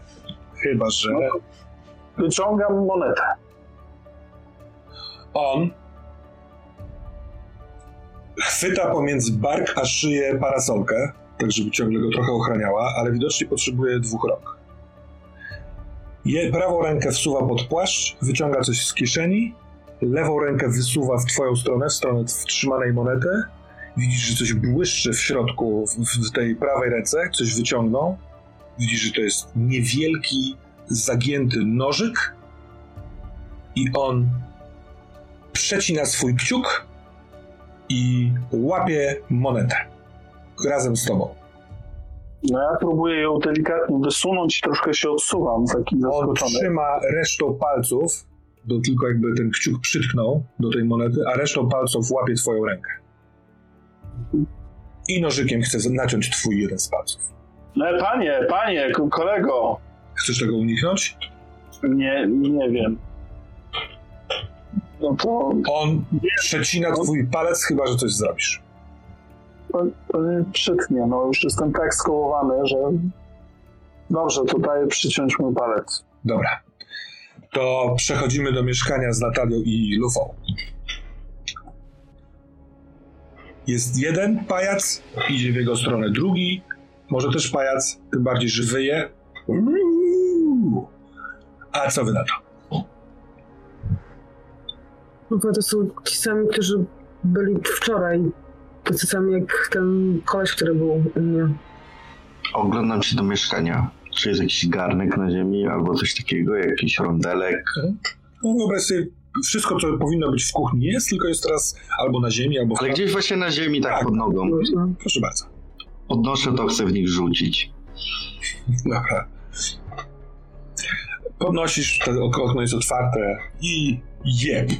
Wiesz co, y, jesteś wspaniały, co prawda jesteś ranny w rękę, ale masz tu obok y, osobę, którą bardzo chcesz ochronić, więc ten rzut jest celny, tylko że no facet ma czas, żeby po prostu zrobić krok w bok i uniknąć. Garnek wpada w wiatę przystankową, robi brzdęk, brzdęk, brzdęk. Czy to jakoś na nich No. zwróciło uwagę? Coś zareagowali? Nie, on spojrzał w kierunek, skąd spadł i patrzy na tego swojego, powiedzmy, kompana, tak jakby czekał na niego. A tamten dalej wyje? Tamten przestał wyć i po prostu idzie. Nieśpiesznym krokiem. E, jednocześnie w tym wszystkim jest pośpiech i go brak. Pośpiech w tym, że oni są tutaj i się zbierają, ale na przykład ten typ idzie w miarę wolno. Moje pytanie brzmi, czy o, to jest od strony klatki, tak jakby, żeby, mm, czy będzie od strony do balkonu, aha, czy na przykład nie ma opcji, żebyśmy wyszli sobie teraz, nie napotykając się na nich, tak? Tak. O, o tyle, że oni są po drugiej stronie ulicy. Jak jakby wychodzisz z Mhm. to jest chodnik, ulica i chodnik z tą wiatą. Wychodnik. No, mimo wszystko, no. Tak, tak, tak. Na pewno by dostrzegli, że wychodzicie. Musimy się stąd zwijać chyba, zanim przyjdzie więcej. Jak się chcesz stąd zwijać w momencie, kiedy oni stoją przed blokiem? Nimi to się nie martw. Pomówiłem się z matką. Jeszcze. Bo to matka mi dała ten pierścień. Właśnie, wiesz co, ja bym bardzo chciała porozmawiać z twoją mamą. No. No. W dobrym kierunku to zmierza. Więc e, Proszę. Eee, no ale Więc no. no. podaję adres, bo nie wiem, czy ja od tej matki mam adres, gdzie to ma być, ten krawiec? Czy mi się Nie, nie, nie, umówiliśmy? mi- mieliście się dzwonić, wiesz? Y, Ona miała Dobra. dzwonić jak będzie za późno, albo ty do niej. Okej, to po, poczekaj sekundę i próbuję do niej zadzwonić. Dobra, ty sięgasz po telefon, tak chwilka rozmowy przy uchylonym okienku i przy jesiennym wietrze i jak pierwszy wolny sygnał wchodzi, to dzieją się dwie rzeczy. Ten przy wiacie wyje znów, ty dostajesz, Natalia, ktoś do ciebie dzwoni i Lufa, oczywiście twoja matka przy drugim wolnym odbiera. Halo? O, cześć synku, Eee, jesteś gotów? no, gdzie? To od- odbiorę cię samochodem, co? A mogę z koleżanką? Z tą koleżanką, o której mówiłeś? Z tą koleżanką. Nadal jest szalona? Mm, Dobra, no rozumiem, nie możesz mówić. Jasne, oczywiście, że tak, nie ma problemu. A gdzie możesz podjechać? Za ile? No tam, gdzie potrzebujesz, nie wiem, jestem y, nieopodal domu. Więc, więc to jest Dobra. bo ty, Lufa, szedłeś na piechotę z Mhm. 5 minut tutaj, więc To podaję adres, tylko nie przy tej ulicy, którą teraz widzimy, tylko gdzieś kawałek dalej. I mówię, że jak będziesz tam, to puść sygnał, to zejdziemy, bo pada. Dobra. Myślę, że Jakiś tak, przystanek autobusowy pewnie, czy coś takiego, tylko nie ten, przy którym oni są, tylko nie wiem, może dalej kawałek. no to powiedzmy, że kawałek dalej w, w prawo jest taki y, sklepik duży spożywczy. Kiedyś taki, wiesz, Mhm. delikatesy, a teraz zestaw różnych sklepików. I tam można też, tam jest parking. Dobra. No to się tak z nią chcę Dobrze, za jakieś 10 minut tam powinna, powinniśmy być. Dobrze, Dobra. to pa. Y, A ja odbieram telefon. Cześć, córeczko. Mama? Tak, to ja. Bardzo cię przepraszam. No to ja cię przepraszam. Córeczko, możemy się spotkać? Jasne, pewnie, że tak, tylko... Nie w tej chwili, ale jasne, przyjadę dzisiaj do ciebie, dobrze? Dobrze, będę w domu. Kocham cię bardzo. Jest... To jest... Ja ciebie też. Te wszystkie lata to bzdura jakaś. Ja nie wiem, co się działo. To jest... Jakiś smutek mnie przy- przykrył. Nie przez telefon. Chcę cię po prostu uściskać. Przepraszam i przyjedź. Jasne, przyjadę. Przyjadę jak tylko będę mogła. Kocham cię, mamo. Ja ciebie też, Syruś. I rozłącza się. Mniej więcej wasze rozmowy trwały podobną długość czasu. Ty, Natalio, masz jedną stabilność do góry, a w stronę tych dwóch mężczyzn dochodzi trzeci, tak jakby ten, ten, ten to wycie przyzwało jeszcze jednego. Ja płaczę ogólnie. Co się dzieje? Gdzie będziemy mieć i ty i ja spotkanie z mamami ważne. Na początku spotkajmy się swoją. Dobra, bo to jest jeszcze jedna rzecz, o której ci nie powiedziałem, że potem jest taka mała impreza, na którą też cię chciałem chyba zaprosić, chociaż nie wiem jeszcze, ale to pogadam z moją mamą. Okej, dobra. Z- zobaczysz, Jestem to zobaczysz. ci to- Poczekaj. Dobra, jestem ci to winna, no. Mm, Dobra. Jest y, tu jakieś wyjście ewakuacyjne, Wyjście nawet zamknięte albo coś. ewakuacyjne ze starego bloku. Myślę, że moglibyśmy. Myślę, że moglibyśmy spróbować dostać się, ale to też mimo wszystko będziemy po prostu w innej klatce. No, przez piwnicę do kolejnej klatki, To jest opcja. są połączone, Może Albo górą, opcja do nie? albo górą.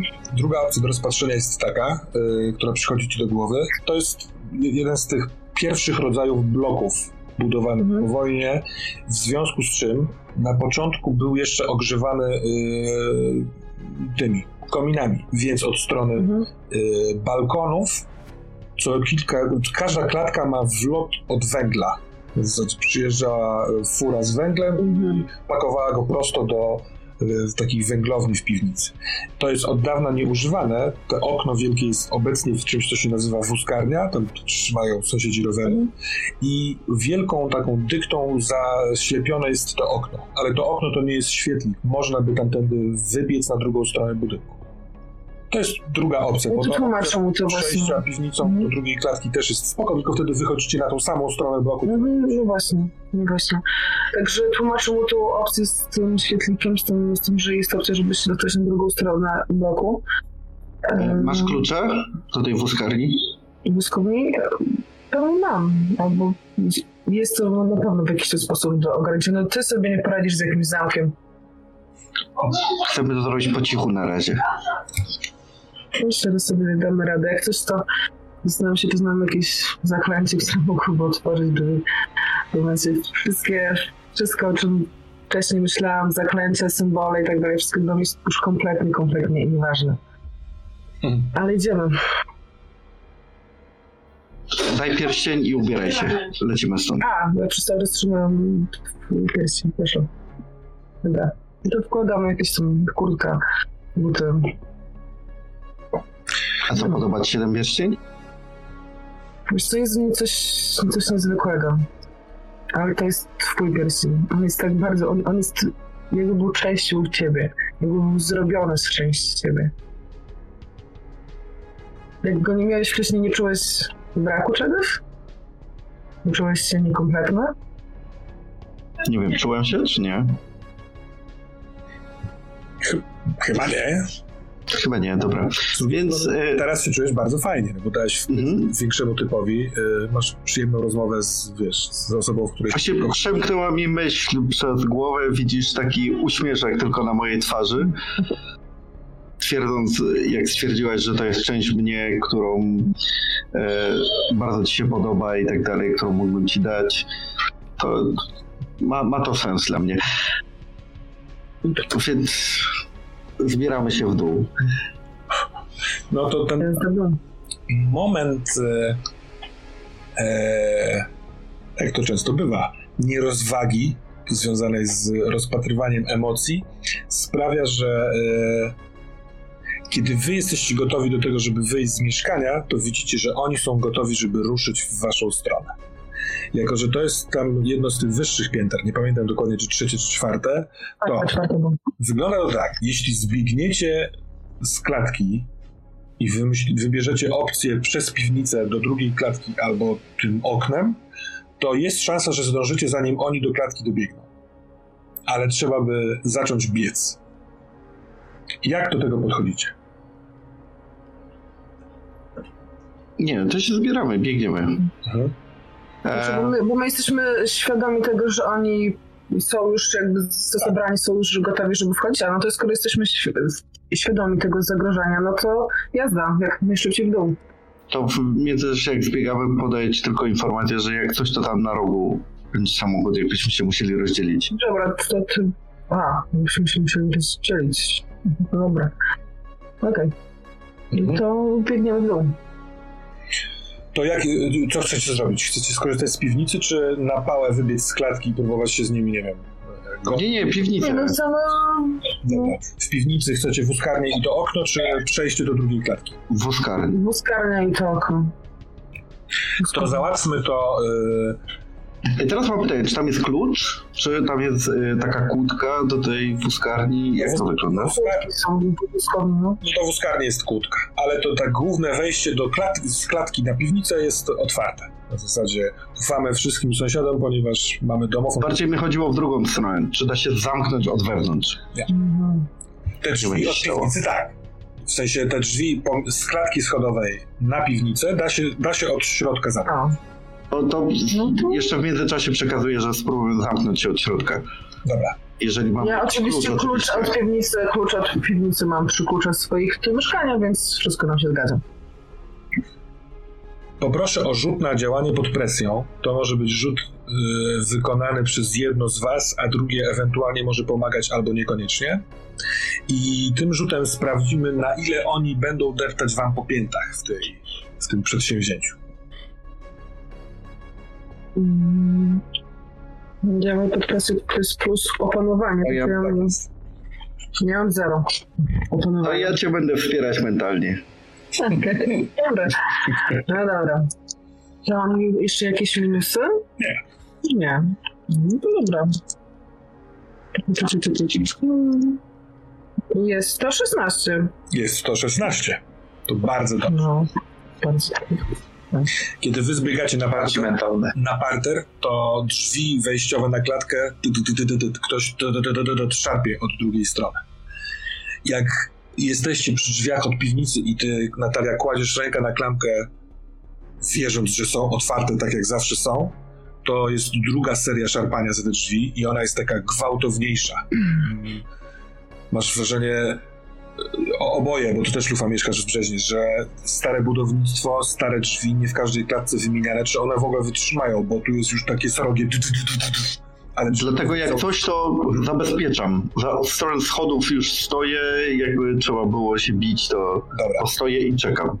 ale tak, Natalia, sprawdzasz drzwi, one są otwarte, zapalasz światło w piwnicy, od razu są schody prowadzące w dół, więc ty wbiegasz, drzwi od klatki pach, zostają oderwane, ale zdecydowanie ty zdążysz wbiec na te schody i zamknąć, przekręcić kluczyk od środka, żeby oni znowu walczyli z jakimiś drzwiami. Chyba, że chcesz zaryzykować i się bić z tym, który wchodzi, ale wtedy drzwi do piwnicy są otwarte. Nie, nie, nie. Mhm. Ja, ja przeskakuję za drzwi i Przekręcasz e, kluczyk od wewnątrz i jesteście na dole, stęchlizna, drzwi od wózkarni. E, Ten klucz może się lekko trzęsie w twoich rękach, ale na szybkości otwieracie. E, Czujecie, jak te drzwi od piwnicy z klatki schodowej znowu ktoś tam wali w nie, są szarpane. Ta dykta zasłaniająca od wewnętrznej strony jest zupełnie banalna. E, Odsuwasz ją po prostu. Stare okno otwierasz, otwierasz i w momencie, kiedy wy wychodzicie na mokry trawnik pod blokiem, to oni wpadają y, do piwnicy i słychać pochrunkiwania wręcz. Takie, nie, tak jakby skoro są w akcji, to trochę jakby zapomnieli nie wydawać dźwięków, które coś organicznego każe im wydawać. Bo pomrukują, powarkują, y, tarabaniając się do tej piwnicy. Jesteście wy oboje już na drugiej stronie, więc macie przewagę tego, że możecie normalnie biec, ale widzicie, że oni wpadają do piwnicy. Czy waszym celem jest jak najszybsze dobiegnięcie do samochodu? Czy chcecie po drodze, nie wiem, coś przyczaić się, schować, oglądać, może walczyć? czy Natalia zaczyna biec w kierunku tego miejsca, gdzie po- powiedziałem? Ja mam taką chwilę zawahania, bo ja w sumie chciałam, bo oni są bardzo podobni do Siergieja, tego, który był u mnie, tak? Tak. Ja w sumie To jest chciałam tak jakby- z nim rozmawiać. Mhm. Ten team był dobierany pod pewien klucz. Mhm. Duże gabaryty, yy, przypakowani lekko mężczyźni. I ich tam jest trzech, tak? Trzech. Trzech. Ja przez chwilę mam taką myśl, że kurczę, ja w sumie chciałam z nim porozmawiać, chciałam się dowiedzieć o co chodzi, ale nas jest dwójka, ich jest trójka, to się raczej nie skończy dobrze. S- Sergiej był wtedy jeden. Dobra, także lecę, lecę w stronę tego, Dobra, czyli ty tego miejsca, gdzie powiedział Ufo. wzdłuż bloku, żeby otoczyć blok i tam przy delikatesach jest... No tak, tam- najszybciej po prostu no, mieszkam tutaj, także wiem. A ty, Lufa? E, chcę jej dać kilkanaście, może nawet kilkadziesiąt metrów przewagi. Mhm. Zostać, zobaczyć, czy jeżeli oni będą, bo ja zakładam, że to jest takie półpiętro tylko w piwnicy, to gdzie oni są teraz. No to oni są w piwnicy, a ty jesteś na poziomie zero, więc y, przez to, że No właśnie, czyli duże, oni będą... Okej, jeżeli oni będą próbowali wyjść, to chciałbym zacząć ich kopać Mhm. od razu, tak żeby dać Natalii chwilę na to, żeby odbiegła w razie czego, żeby oni jak wyjdą, to żeby nas na pewno nie dogonili. W sensie Natalii. Dobra. Więc jeżeli Natalia odbiega i oni już się zbierają, już Tak. prawie są przy wyjściu, to chcę ich z buta tak, żeby tam ten pierwszy popchnął resztę i wtedy ja zacznę biec. Dobra. E, odbiegająca Natalia e, jest w, w twoich uszach, żeby odbiega, ale oni, jeden, jeden, pierwszy z nich chce wychodzić. Musisz go kopać. I... To ja go nie kupię tak, żeby zranić, ale kopię tak, żeby go przewrócić i że, tak, i żeby on najlepiej wpadł w tamtych, którzy stoją za nim. Mhm jak tego Sergieja na górze uderzyłeś od tyłu w głowę kastetem i on po tym ciosie, co prawda był zamroczony, ale po chwili gotowy, to tutaj masz podobne wrażenie po pierwszym kopie, który tak jakby wpycha głową go do środka do piwnicy. Jest jakaś bardzo dzika zajadłość w tym, bo w związku z tym, że jednego wpychasz, to dwóch w idiotyczny sposób chce naraz wyjść przez te okno. Oni się nie zmieszczą, więc się zderzają, ale nie ma, nie ma krzty, krzty rozsądku w tym. Jest bardziej pomrukiwanie i drżenie. Oni są gotowi wychodzić jak najbardziej, więc trochę jakbyś kopał zwierzęta. Mhm. Myślę, że jeszcze jedne, jednego tak odruchowo wpychasz i no nie wiesz, będziesz, jeżeli chcesz zostać tutaj, nie, powiedziałeś, nie, nie, nie. kilkanaście jakby tak, czas. Tak, jeżeli ona odbiegnie, no to czuję, że tego pierwszego pewnie kopnąłem, tego drugiego jak widzę, że oni głupio we dwóch wstają, no to może przywalę mu tak, żeby jeszcze może go zamroczyło na chwilę, a ten drugi nie mógł wyjść przez to, mhm. bo się zablokują w tych i, i chcą odbiec wtedy za nią. Dobra, to pędzisz za Licząc na to, że już samochód tam stoi i tylko w trakcie tego biegu nie usłyszałem drżenia telefonu. A ja biegnąc zdaję sobie sprawę, że nie mam bladego pojęcia, jakiego samochodu mam szukać. I kiedy chcesz sprawdzić, czy biegnie obok ciebie lufa, żeby on pokierował, to widzisz, że lufa jest daleko, daleko za tobą. Biegnie super sprintem, a z dziury z, e, z tego okna wychodzi pierwszy typ. Ale zakręcacie za blok, delikatesy opróżnione teraz i zamknięte, wszak jest niedziela, ale jest e, bardzo elegancki Mercedes, taki trochę z, tam, nie wiem, z końca lat 90., ale utrzymany bardzo ładnie. Przez co taki trochę oldschoolowy, ale rarytas. I yy, nie przy kierowcy, tylko z tyłu, przy, jakby na, na miejscu pasażera z tyłu, przez okno patrzy, wygląda twoja mama, trzymając telefon przy uchu, więc jak wybiegasz z zawinkla, to właśnie w tym momencie jest wibracja telefonu. Mhm. To odbieram, biegnąc. Mhm. I mówię, że już idziemy. I tyle. Nawet okay. nie daje dojść do głosu. Dobra. No ona też się rozgląda co się, i widzi to, że biegniecie. Zakładam, że ty lufa y, sprintem byłeś w Tak, tak, tak, jak najszybciej. Mhm. Kiedy wsiadacie do samochodu, to za, za bloku wybiegają oni. Jeden z nich nie biegnie na dwóch nogach, tylko tak jak Siergiej uciekał z twojego mieszkania Natalia, na czworakach. Przez to, że to jest bardzo duży mężczyzna, to, to jest to dziwnie niepokojący widok, bo on to robi sprawnie. Przez to jest trochę szybszy. I jak samochód rusza, tylko usiedliście w środku, to on mając nadzieję chyba, że się mu uda, z tych czterech łap odbija się i próbuje wskoczyć na maskę, ale był za daleko. Więc samochód szybko jadąc taką e, podblokową uliczką, wy ewentualnie odwracacie się, na pewno twoja matka tak robi do tyłu i widzicie jak tych trzech facetów wstaje i dysząc tempo patrzy jak ten samochód odjeżdża. O! Ja jestem mamą Trzebiemira. Sybilla Lufericz. I wyciąga w twoją stronę rękę. Bardzo spokojna, bardzo ładna jak na swój wiek oczywiście, ale z delikatnym makijażem, elegancko ubrana. Kurczę, Lufa, nie wiem, czy się nie obrazisz, ale chyba nie pasująca do Lufy. Lufa w bluzach sportowych z kastetem na palcach, a tu jest e, trochę dama. Elegancka kobieta. Mhm. To jej podaję rękę, Natalia Jarema. Dziękuję. Chyba właśnie uratowała nas pani. Chodźmy do hotelu i wszystko mi opowiecie po drodze. Hmm? Do hotelu? Tam czeka na Trzebiemira yy, krawiec. Ja w sumie to chciałam z panią porozmawiać yy, o tych symbolach, o... Zaczynam tak trochę bełkotać, bo nie wiem, czy właśnie ten taki dystans między tym, jak, kim jest Lufa, a tym, kto tutaj nagle siedzi, to auto, to wszystko trochę mi to tak zbiło. Yy, także chciałam z tobą porozmawiać w sumie. Zamieniam się w słuch. Yy, patrzy na ciebie Lufa, trochę takim... Ja w telefon. Ja wyciągam telefon i... Dobra. Dobrze, to za chwilkę będziemy konty- kontynuować, ale przenieśmy się do rodziny y, Ochockich. Zbigniew. Mocno pod rękę trzyma cię twoja żona Agnieszka, y, przytulając swoją drugą rękę Kaśkę i to jest ten jeden z tych momentów, w których twoja żona wcześniej nie do końca wyczuła, że chyba są jakieś poważne sprawy, a teraz je widzi. Raz w związku z tym, co się tu stało, chyba też wyczuwa, jak ty się zachowujesz.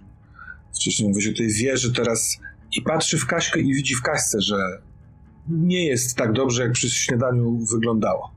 Więc to, to, to trwa, wiesz, to jest sekunda. Wy, się, wy jesteście rodziną, wy się po prostu czytacie i ona przytula tą Kaśkę i mówi, ty chcesz ze mną porozmawiać o czymś? Ty w tym momencie mówisz, no może chodźmy do Mickiewicza, a ten dziadek, który się wyprężył w jakimś, nie wiem, transie czy czymś, mówi do siebie, do ciebie w powietrze Strażnik! Strażnik użył klucza! Zaczęło się! I idzie w stronę tych schodów prowadzących na nasyp do Mickiewicza. E, To tak, to jest kilka rzeczy, które chcę zrobić, ja chcę szybko zerknąć właśnie najpierw w stronę tego... Bo rozumiem, on popatrzył w tego w stronę tego Mickiewicza, jak go tak nagle Tak. coś tam się z nim stało dziwnego, to to jest jedna rzecz, ale to tak w sumie ukradkiem, ale drugie, no jak widzę, że on idzie w tamtą stronę, to ja naturalnie w sobie też idę. Tak, Dobra. więc no, To te dwie rzeczy. zerka, zerkając widzisz, że no, z, te, z tego miejsca, w którym jesteś, widać tylko y, bok Mickiewicza. Ale krzaki, które rosną wzdłuż alejki y, prowadzącej do tego Mickiewicza sprawiają, one teraz oczywiście są bezlistne, ale i tak są barykadą, że ludzie, którzy tam ewentualnie stoją, są niewidoczni. Rozumiesz, Mickiewicz jest dużo wyższy niż człowiek stojący, to Jasne. widać profil tego Mickiewicza. I Agnieszka, trzymając cię pod rękę, e, zatrzymuje cię, bo ty ruszasz w stronę tego Mickiewicza, ale ona tak jakby chciała najpierw za- załatwić tę sprawę. Ale dzieje się jeszcze jedna rzecz dla ciebie, Zbigniewie. Bo ty postawiłeś nogę, ruszyłeś, więc odrywałeś nogę i jak stawiasz ją do tego, bo cię żona zatrzymała tym swoim statecznym staniem w miejscu, to lądujesz w kałuży. I Pierwsza reakcja jest ląduje w kałuży, ale po chwili widzisz, że ta kałuża jest dużo większa, tak jakby. Jest taki moment flashbacku z tego snu, w którym byłeś, w którym się topiłeś w morzu, więc powstrzymujesz nogę i tak jakby z tej kałuży dobiegł cię z, zmieniony przez wodę głos, który słyszałeś we śnie Pawła. Czemu mnie nie ratujesz, skoro wiesz, gdzie jestem? Zbyszku, po co ty tam chcesz iść? Ja chcę wrócić z Kaśką do domu, musimy porozmawiać. E, Słuchajcie, ja muszę zobaczyć, co się tam dzieje, może wam będzie coś zagrażać. Aga, weź Kaśkę, lećcie do domu i jak szybko tylko się z tym uporam, to wrócę też. Ale wracajcie do domu i za wszelką cenę niech Kaśka nie idzie na tą wieżę, dobra? Dobrze, dobra. Widzisz, po, po... Kasiu, wyjaśnij mamie, o co chodzi z wieżą, dobra? Kaśka płacze. I lecę. Dobra. One zostają dwie przytulone. Yy, lecisz, a w pierwszym kroku się orientujesz, że masz parasol. Nie wiem, chcesz lecieć z parasolem, czy zostawiasz dziewczyną? Zostawiam go. Nie, nie, to tak, taka troska tam gdzieś jest, tylko y, ja nie chcę ich angażować w to po prostu. W Ale to one chyba trochę bagno, w którym siedzę, nie? chyba chętnie Dlatego im to, co zasugerowałeś, bo Agnieszka tylko bierze parasol i swoim ruchem kieruje Kaśkę w stronę waszego domu. Czyli odchodząc od wieży. No to dobra, to ja nawet nic nie krzyczę, bo jakby tam stały czy coś, to bym tam mówił, lećcie do domu, lećcie do domu, ale jeżeli widzę, że to robią, to ja lecę za tym, mm, rozumiem, no tym, tym żulem, czy co to tam pies. Dobra. Juliuszu, yy, a cóż ty? Bardzo podekscytowany Rafał patrzy na ciebie, trzyma ten parasol, ten parasol mu się trzęsie. Niech pan mówi, panie Juliuszu, niech pan mówi. Ja wszystko zapamiętam.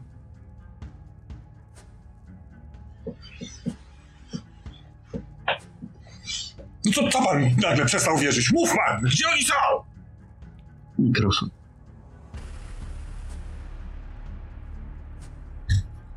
Masz mikrofon wyciszony. Panie kolego, no bo ja. mm, No ja rozumiem, tylko to jest dużo informacji, to trzeba jakoś przetrawić, no bo pan mówi, że tutaj będzie, będzie likwidował kogoś, podstawiał kogoś nowego, no No to mi nie mów. nie. Może wódki? Robi krok w tył. Ha, ha, ha. Zobaczymy teraz nieugięty, twardy kręgosłup wielkiego strażnika. Stary dziadzie. Myślisz, że ich nie znajdę z twoją, bez twojej pomocy? Żulu? Dlaczego pan taki niemiły się nagle zrobił? Bo się jąkasz, bo się zastanawiasz, a nie masz w ogóle narzędzi, żeby dojść do prawdy, bo całe życie przechlałeś jak baran. Trzeba było się wcześniej tym zainteresować. Teraz ktoś ci chce pomagać, a ty spowalniasz to wszystko? No ale panie, no przyszedłem tak jak pan kazał, a pan się na mnie rzuca, no to pan jest z tych dobrych, co z aniołami będą pracować, tak? Twoja matka powinna dawać też to komuś innemu, a nie tobie. Mów mi, gdzie Nie no, są. to tak nie będziemy rozmawiać, panie. No pan spierdalaj, no. Robi krok w tył. Sięga do kieszeni płaszcza i wyciąga telefon komórkowy. Zaczyna coś kręcić, robiąc cały, cały czas krok w tył jeszcze. Słyszysz po takim e, szeleście kamieni, bo ta, ta, ta ścieżka jest kamienista, że ktoś za twoimi plecami idzie. Zbigniew, ten e, dziad on nie jest szybki, tylko on jest uparty. On po prostu idzie tak, jak mu fizyczność jego kolan, czy tam czegokolwiek pozwala, idzie do przodu. Wszedł już na schody, na tą alejkę. Jak ty zostawiłeś dziewczynę z parasolkami, to możesz, nie wiem, go dogonić, zrównać się z nim albo iść za nim. Tak, ja, ja poleciałem za nim tak, żeby go dogonić i, i mówię, panie, jaki klucznik, jak, jaki strażnik, jaki klucz? Coś On, on, Imperium Lechitów się ma odkryć, czy co jest grane? On się odwraca w twoją stronę. O. Czemu ty jesteś tutaj, w tym miejscu, w którym ja właśnie poczułem zew? To mnie ktoś przyzywa, jednak ty tu jesteś nie bez przyczyny. Klucz. Bo mnie też ktoś widywa. Chodźmy, chodźmy, panie, chodźmy. Mhm. I on idąc pokazuje palcem przed siebie, ty też oczywiście, jako że idziesz w tym kierunku, widzisz stojącego przy tej lornecie yy, faceta. Jeszcze jest trochę za daleko, żebyś rozpoznał, że to jest Juliusz. I Juliusz swoją pos, pos, po, postacią zasłania ci Rafała Płóciennika. Juliuszu, on wyciągnął telefon, co chcesz zrobić? Czy chcesz coś zrobić, czy też nie? Ty masz w ręku zarówno lornetę, jakby, czyli że ją niesiesz, ale opierasz się nią, jak i w, drugiej, rę- w drugim ręku masz e, monetę z Mickiewiczem. Ja chowam monetę z Mickiewiczem, zakręcam ten, jak najszybciej ten, e, wręcz chemicznie, e, ten e, posążek, posążek wkładam za pazuchę i mówię, panie, najpierw mi pan mówi, że pan mi pomożesz, najpierw pan, nie wiem, roztacza tutaj wizję, ja już w to wszystko uwierzyłem, a też pan się wydzierasz na mnie. Ja nie, nie rozumiem pana, panie, no co pan chce? Przyjdźcie po mnie. Tak. Panie, do kogo pan dzwonisz? Do nowych aniołów? Do swojego kierowcy. Skończyłem z panem. Pan nic nie A rozumie. dlaczego pan? No rozumiem, tylko jak gdyby pan mi tutaj nadziei narobił, kazał widzieć różne rzeczy i co, ja mam tak z zostać? Z- Tak, No jak pan- tak jak pana dzisiaj rano spotkałem. Sceptycyzm utopiony w wódce. Albo pan w to wchodzi, albo pan w to nie wchodzi. Widział pan to? Panie, miałem chwilę za, zawahania, a pan mnie obraża. Nie ma No czasu. później Świat się, opowiada. świat się kończy. Pan się podobno opiekuje, tam nie lękajcie się, jak gdyby tam O. prowadzi pan... On nagle robi takie wyjrzenie za ciebie i zmienia mu się wyraz twarzy. Wezwałeś go? I robi krok w tył.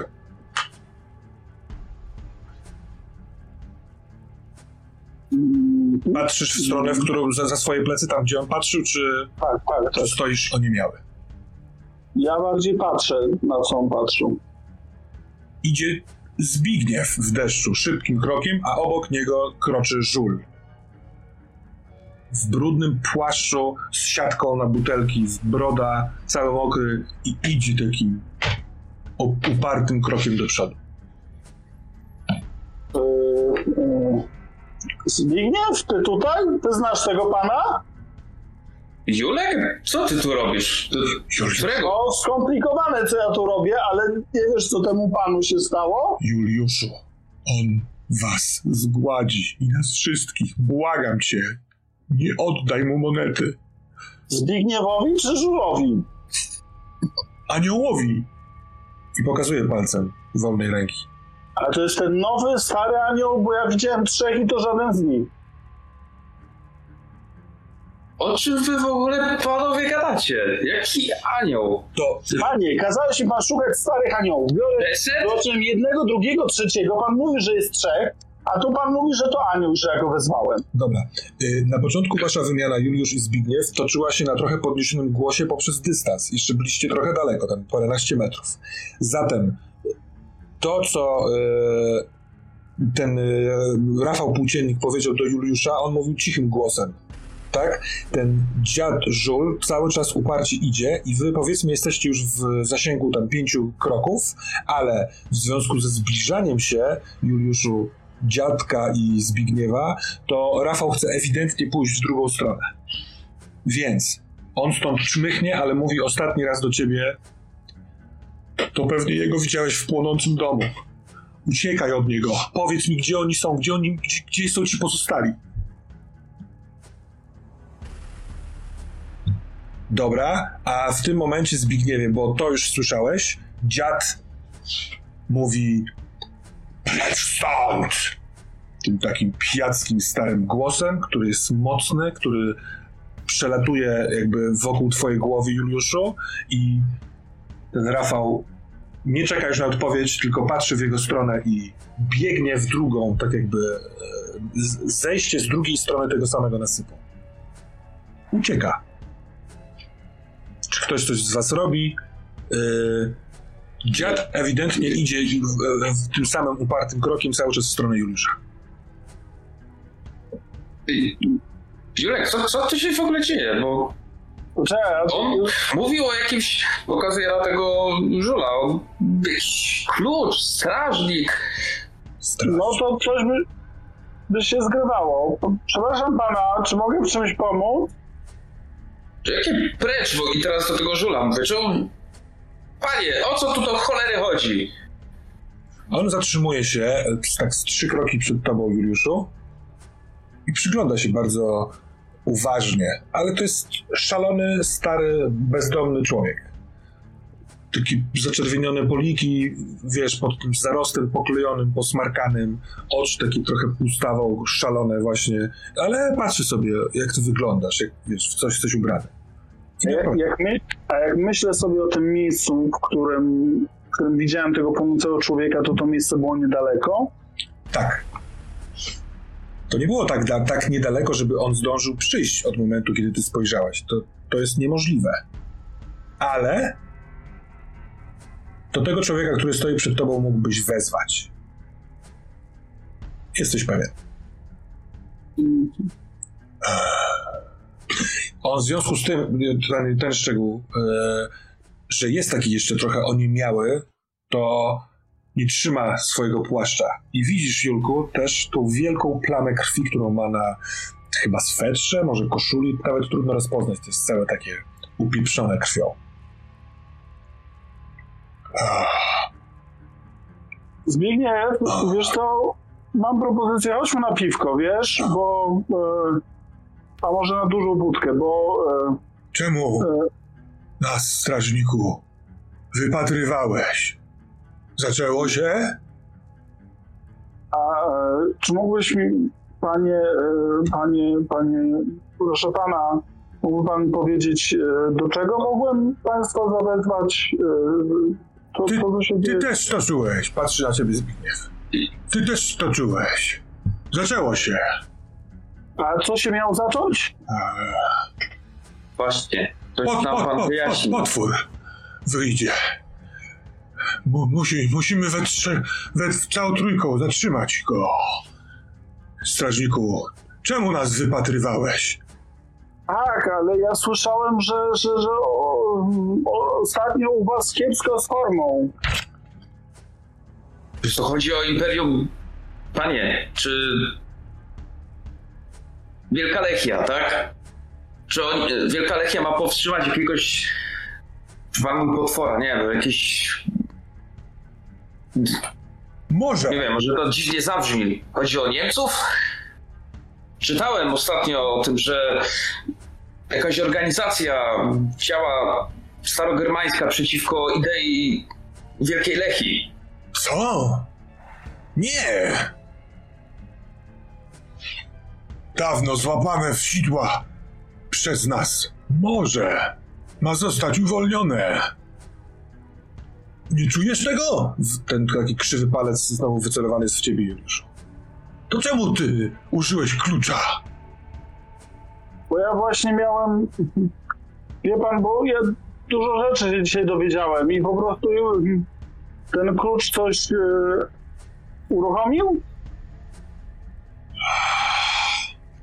Coś ty powiedział temu tam. Coś powiedział diabłowi.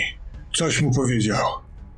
Na razie Jabłowi? On, diabłowi, bo on myśl, on się przedstawiał, że jest z tej dobrej agendy. oni nadejdą. Panie. Jeszcze nic mu nie powiedziałem, tam tylko trochę mi naciął kciuka. Patrzy, w, jakby chciał zrozumieć, co to znaczy kciuk, tak jakby na ciebie. No nie wiem, panie powiedział, z że... ty się zadajesz? Co ty? Poczekaj, poczekaj, bo to skomplikowane. Zaraz się Zbyszku wszystko opowiem. Ale mm, jak no on, nie wiem, powiedział, że jakoś chce związać mnie z, z waszym wezwaniem czy coś. Ech, ale masz ciągle klucz? Masz klucz? Masz No mam. Mam klucz, mam. Czekajmy stąd. On tu przyjdzie zaraz po ciebie. Całego cię musi wziąć. Aha. Ja w tym czasie, bo sobie trochę przypomniałem, yy, chciałbym obejrzeć ten pomnik Mickiewicza mm, chyba w poszukiwaniu tego znaku, który był na tym zdjęciu, tak, z tego researchu, który tam wcześniej robiłem, to chciałbym to sprawdzić. Twój posłuchaj, bo- Fotografię, na której rzeczywiście ten sam znak, który ty widziałeś pod ziemią, był na tym y, Mickiewiczu. I kiedy, no, to jest kwestia kroku dla ciebie. Robisz krok i widzisz to miejsce, które było na fotografii i tam jest bardzo zatarty, wiesz, pogodą i czasem, który upłynął, no ale jest tam coś wyrytego. No, miejsce się zgadza, więc y, y, nie jesteś w 100% pewien, czy to jest ten znak. Musiałbyś podejść i, wiesz, przetrzeć to z wody, ale miejsce się zgadza. No to podchodzę mimo wszystko i i mówię do w sumie no to dwóch moich towarzyszy. Panowie, ten znak znak Czeseta. O! Mojego pana! On nie żyje. On nie żyje. A my jesteśmy tacy zagubieni. Wezwij, nie wez... Powiedz ty, dziadku, czy może... Może rośnie? Patrzę na morze, czy może rośnie? Tak sobie skojarzyłem, mówię to no, nie co panu o globalne ocieplenie chodzi, że nie wiem, no chyba rośnie, no tak coś tam mówią w tej telewizji, ale to w telewizji tam wierzyć, to wie pan, oni tam takie głupoty czasem wygadują, a prawda jest ukryta, to ja nie wiem, czy może rośnie tak naprawdę, czy nie. Dlaczego pan powiedział, że to diabeł? Bo tamten pan to innego o, o, o, was mówił.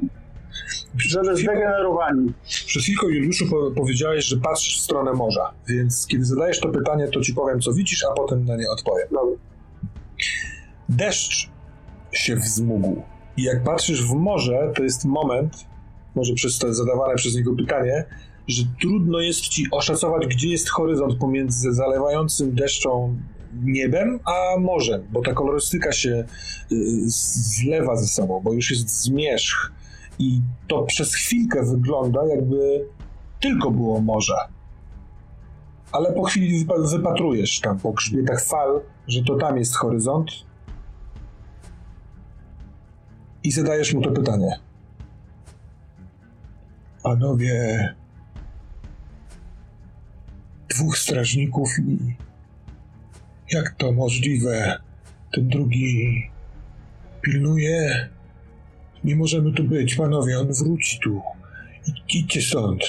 Dobra, to tak, Gdzie mamy iść, panie? ja mam takie pytanie. Co tu się w ogóle dzieje? Czy, czy ten Chesed jest podobno aniołem? Jak jesteś, jak on jest twoim panem? Anioł, ja, ja jestem aniołem, on jest, on jest moim... Jego nie ma już, bo został zabity przez zbuntowaną, ale my musimy bronić świat przed morzem. I Jak nas nie będzie, to morze zaleje nas wszystkich i nic już nie będzie. Nic już Dobrze. nie będzie. To ja mam pytanie na metapoziomie. Czy e, jeżeli, e, czy się orientuje, czy o tej godzinie będzie czynny bar, z którym się spotykamy? To jest niedaleko. Otwarcie baro. Natalia, jak myślisz, która godzina? Nasta? 15? No to jest To od, bar, to nie jest restauracja. od, bar. godziny, od godziny z hakiem już jest otwarte. Zastanawiam się, czy Ja Natalia mam nie miała otworzyć. E, właśnie, czy... Tak, ale wasz, wasz wątek jest odrobinkę wcześniej w czasie. Więc y, jeszcze Natalia nie Może zdążę. do pracy. Może, Może zdążę. No dobrze, to w takim razie... A Natalia jest jedyną barmanką tam, tak? Tylko jeszcze spytam na metapoziomie. tak. Nie, chyba nie. Jest ktoś. Nie, na pewno nie. No to ja mówię, Że dobra, panowie, Natalia panowie, poprzednio była. Ja mówię, panowie, tutaj widzę, że pan chyba ranny jest. To wy... to- Wiecie co, to, to chodźmy, zobaczymy, czy bar otwarty, jak nie, to pójdziemy do mnie do mieszkania. No bo tutaj spróbujemy to wszystko obgadać, bo to, to wszystko chodzi poza jakąkolwiek logikę. Ja mam totalny mętlik. Też wydaje mi się, że obgadanie tego z całym szacunkiem, panie Aniele, będzie bardzo rozsądne. Ja jestem Gustaw. Nie mówcie anioł, bo ludzie dziwnie mogą patrzeć. Gustaw, minę Miło mi poznać Gustawie Zbigniew. Jestem Dobra. Możemy iść do mojego domu. On spłonął, ale, ale, ale on, ciągle, on ciągle nas może ochronić przed diabłem. Musiałem wyjąć swoje serce i tam zostawić, żeby wszyscy myśleli, że tam ciągle jestem. Zmyłka. Ale co, można się ruszyć, ogrzać, coś... y, Nieważne, dobra, Julku, chodźmy tam. Może coś się tam więcej dowiemy. W barze to raczej nie za bardzo. Dobrze, no chodźmy już po prostu, wiesz, papieża jeszcze na, na, na, na rowerze brakuje. No dobrze, chodźmy. Julek, tu się dzieją chyba większe rzeczy. To ja mam wrażenie, że tu teraz jakiś apogeum tego, czego Paweł szukał i Kurwa, wczoraj się dzieją większe rzeczy, ja tego nie ogarniam. Więc Jakbyś widział, dobra, chodźmy, pogadamy zaraz. No chodźmy już do tej chaty, bo tamten zaraz wróci. Zły, dobry diabeł. No chodźmy. Mhm.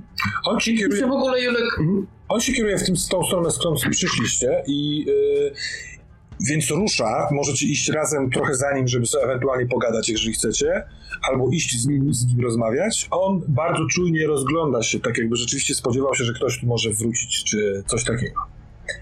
A ja próbuję przyspieszyć tego kroku, jak gdyby tu, nie wiem, czy tutaj, jak gdyby wymuszać trochę tego Okej. pana tam, No, żebyśmy się znowu... do- my, myślę, że on, on idzie najszybciej jak się da, a ty w swojej kondycji fizycznej umiesz chodzić tak samo szybko jak on, ale trochę szybciej będzie trochę zbyt męczące już.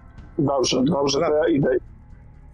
I, i pytam, panie, dobra, bo ja pan, to, to Zbig- Zbigniew, ty słuchaj i zobacz, czy coś, coś ma to sens, powiem ci. Posłuchaj. No bo dzisiaj rano spotkałem pana, który powiedział, że jestem wielkim strażnikiem, mam super monetę i że dzięki niej jestem w stanie ochronić świat i że są aniołowie i że to jest ten pan, który się przedstawia jako anioł, to jest anioł, który jest wypalony zawodowo i że trzeba go zastąpić nowym aniołem, bo się pogubił. Natomiast pan anioł mówi, że całkiem nieźle się ma i że tamten pan to jest diabeł. I to mniej więcej tyle się dowiedziałem dzisiejszego dnia. Zbigniew, ale idziecie, idziecie tym nasypem, to y, do- dociera do ciebie taki układ, jakby trochę taki y, mm, no, topograficzny, nie wiem, czy to jest dobre słowo, ale Mickiewicz stoi na nasypie, a pod tym nasypem jest wejście, przez które przez sen wszedłeś do środka. do tej baterii, to tutaj tak naprawdę idziesz po suficie tego miejsca, w którym zatonąłeś razem z Pawłem we śnie. Taka uwaga.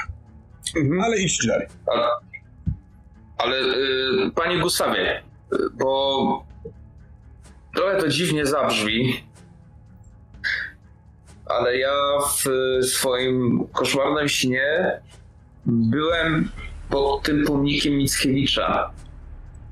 Tam jest jakaś świątynia. Z tego co zrozumiałem, jest to świątynia twojego twojego pana, Czeseta. Czy to jest prawda? Nie, nie, nie, nie, nie, nie. E, Jest tam grobowiec, ale On patrzy na, patrzy na ciebie, Juliuszu. nie wiem, czy mogę mówić przy nim strażniku. Mów, mów, to przyjaciel chyba. Musimy się rozeznać we wszystkim, więc to nie ma czasu i miejsca na ukrywanie Czy, czegoś. czy, czy nie masz drugiego klucza? Patrzy na ciebie Zbigniew. E, drugiego? E, Jak, czym jest drugi klucz? Do, do świątyni właśnie, do grobowca jest drugi. I ty... Ty jesteś tutaj nie przez przypadek, prawda? Chodźmy. Może. Czy nie jest to księga czasem? Nie. To, zdaje mi się, jest moneta. Druga moneta? Moneta, która może otworzyć niewidzialne drzwi. Ale gdybyś ty był nim, to byś to wiedział. Ale jednak przecież mówisz o tym, że śniłeś o tej świątyni. To po co? Chodźmy. Ja wam. Taka myśl mi teraz e, przyszła do głowy, w sumie ja ją wypowiem na głos. Mój przyjaciel Paweł szukał prawdy o Wielkiej Lechi. Staram się sobie przypomnieć, czy on mi przed zniknięciem nie mówił czegoś o jakiejś monecie, bo trochę mi się to tak zaczyna kojarzyć nagle, że... A co jeśli on odkrył jakąś monetę i Moneta on, a raczej... kojarzy z tym, że ym, to, jak w jaki sposób trafiłeś na.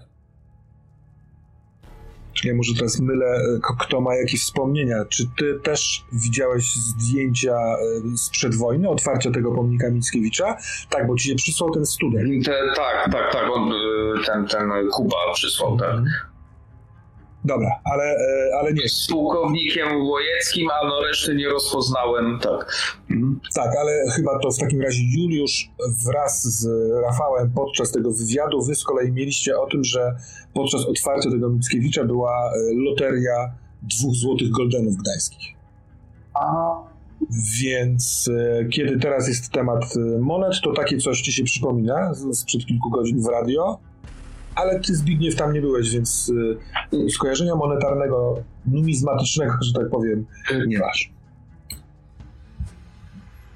mhm. Na chwilkę was zostawiam w tym lejącym, siekającym deszczu. Robi się chłodno. Obaj nie macie parasoli, więc cała odzież jest mokra. Yy, I o ile ten człowiek, który z wami idzie, człowiek, wydaje się, że w ogóle jest jakby.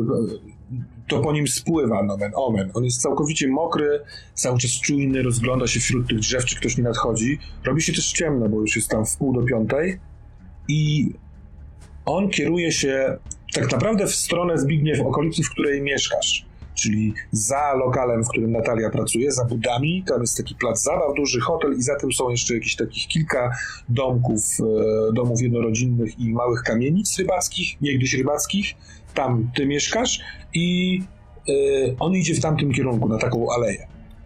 Mhm. To jeszcze szybko pytanie zadam, bo on tam wspomniał coś o jakimś pożarze, tak? Czy to było przy mnie chyba powiedziane już, że tam ukrył to serce i że ja kojarzę, że gdzieś tam w okolicy jakiś dom spłonął i Na końcu twojej uliczki jest dom, który spłonął, nawet nie wiesz kiedy. Dawno temu, chyba byłeś dzieckiem. Nie wiem, czy mieszkałeś wtedy w tej okolicy, ale to jest taki Tak. nigdy nie posprzątany, nigdy nie zadbany, taka rudera, spalone takie, wiesz, resztki tynków ścian stoją.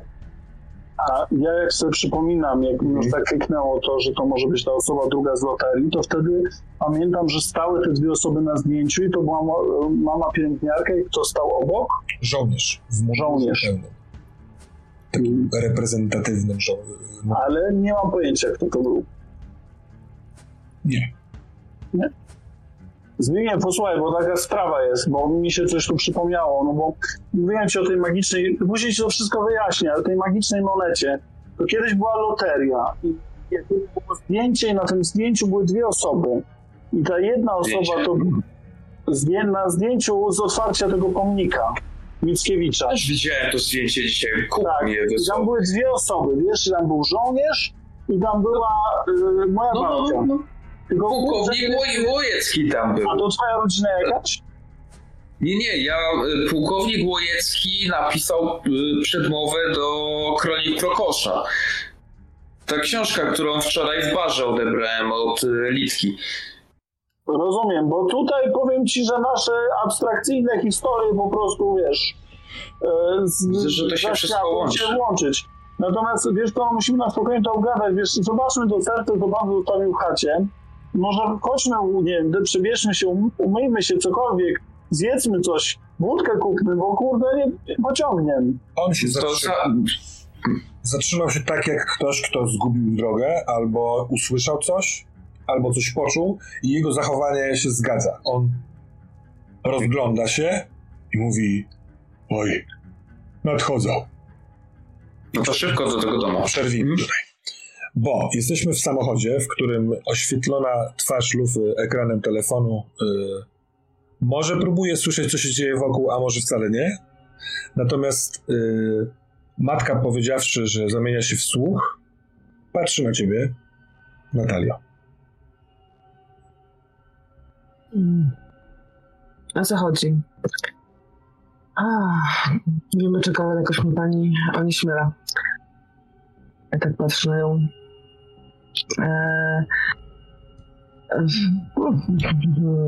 A więc od jakiegoś czasu gdzieś kiedyś zobaczyłam takie ciekawe symbole. No i ogólnie trochę się interesuję takimi różnymi religiami, właśnie jakimiś magicznymi symbolami i tak dalej, tak troszkę dla, dla rozrywki, jak to ludzie mają różne na hobby.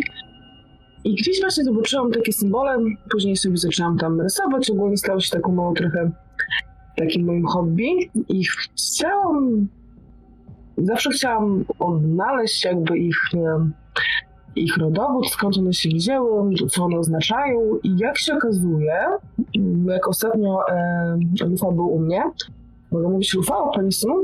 Czy Luf? Lufo? To zależy od mojego syna. Dobrze. E, to okazało się, że Lufa je zna, bo je gdzieś widział u pani. Czy na zdjęciach, coś w tym stylu. I jako, że mi się nie udało e, dojść do sedna, skąd mi się wzięło, to myślałam sobie, że może pani by wiedziała. Hmm. Ona znów spogląda na lufę. Na ciebie. Pani yy, Natalia. Natalio. Proszę mi najpierw, przepraszam, że odpowiadam pytaniem, ale odpowiedzieć na pytanie, czy to pani poznała mojego syna, czy on poznał panią? Jak to się stało? Mm, Poznaliśmy się w barze. Ja tam pracuję, on przyszedł z kolegami, więc trudno chyba mówić, która strona była tą stroną poznającą, a która poznawaną. Byliśmy w tym samym miejscu w tym samym czasie. Tam sprzedają też inne rzeczy niż alkohol, mamo. Kochany Trzebiemirze, dziękuję ci za tę troskę. Hmm. Pani Ma jakieś znaczenie? trafia pani ze swoim pytaniem i z, z y, obszarem zainteresowania w przeciwny moment do prawdy. I z przyjemnością pani odpowiem na te i na inne pytania, ale najpierw niestety będę musiała odbyć rozmowę z moim synem sam na sam. co oczywiście w samochodzie jest niemożliwe, ale kiedy dojedziemy na miejsce do tego hotelu, do którego jedziemy, to poprosiłabym panią o chwilkę prywatności mojej z e, Trzebiemirem i będę owijała w bawełnę. Potrzebuję jego świadomej zgody na to, co pani mogę powiedzieć. Ale o co chodzi, mamo?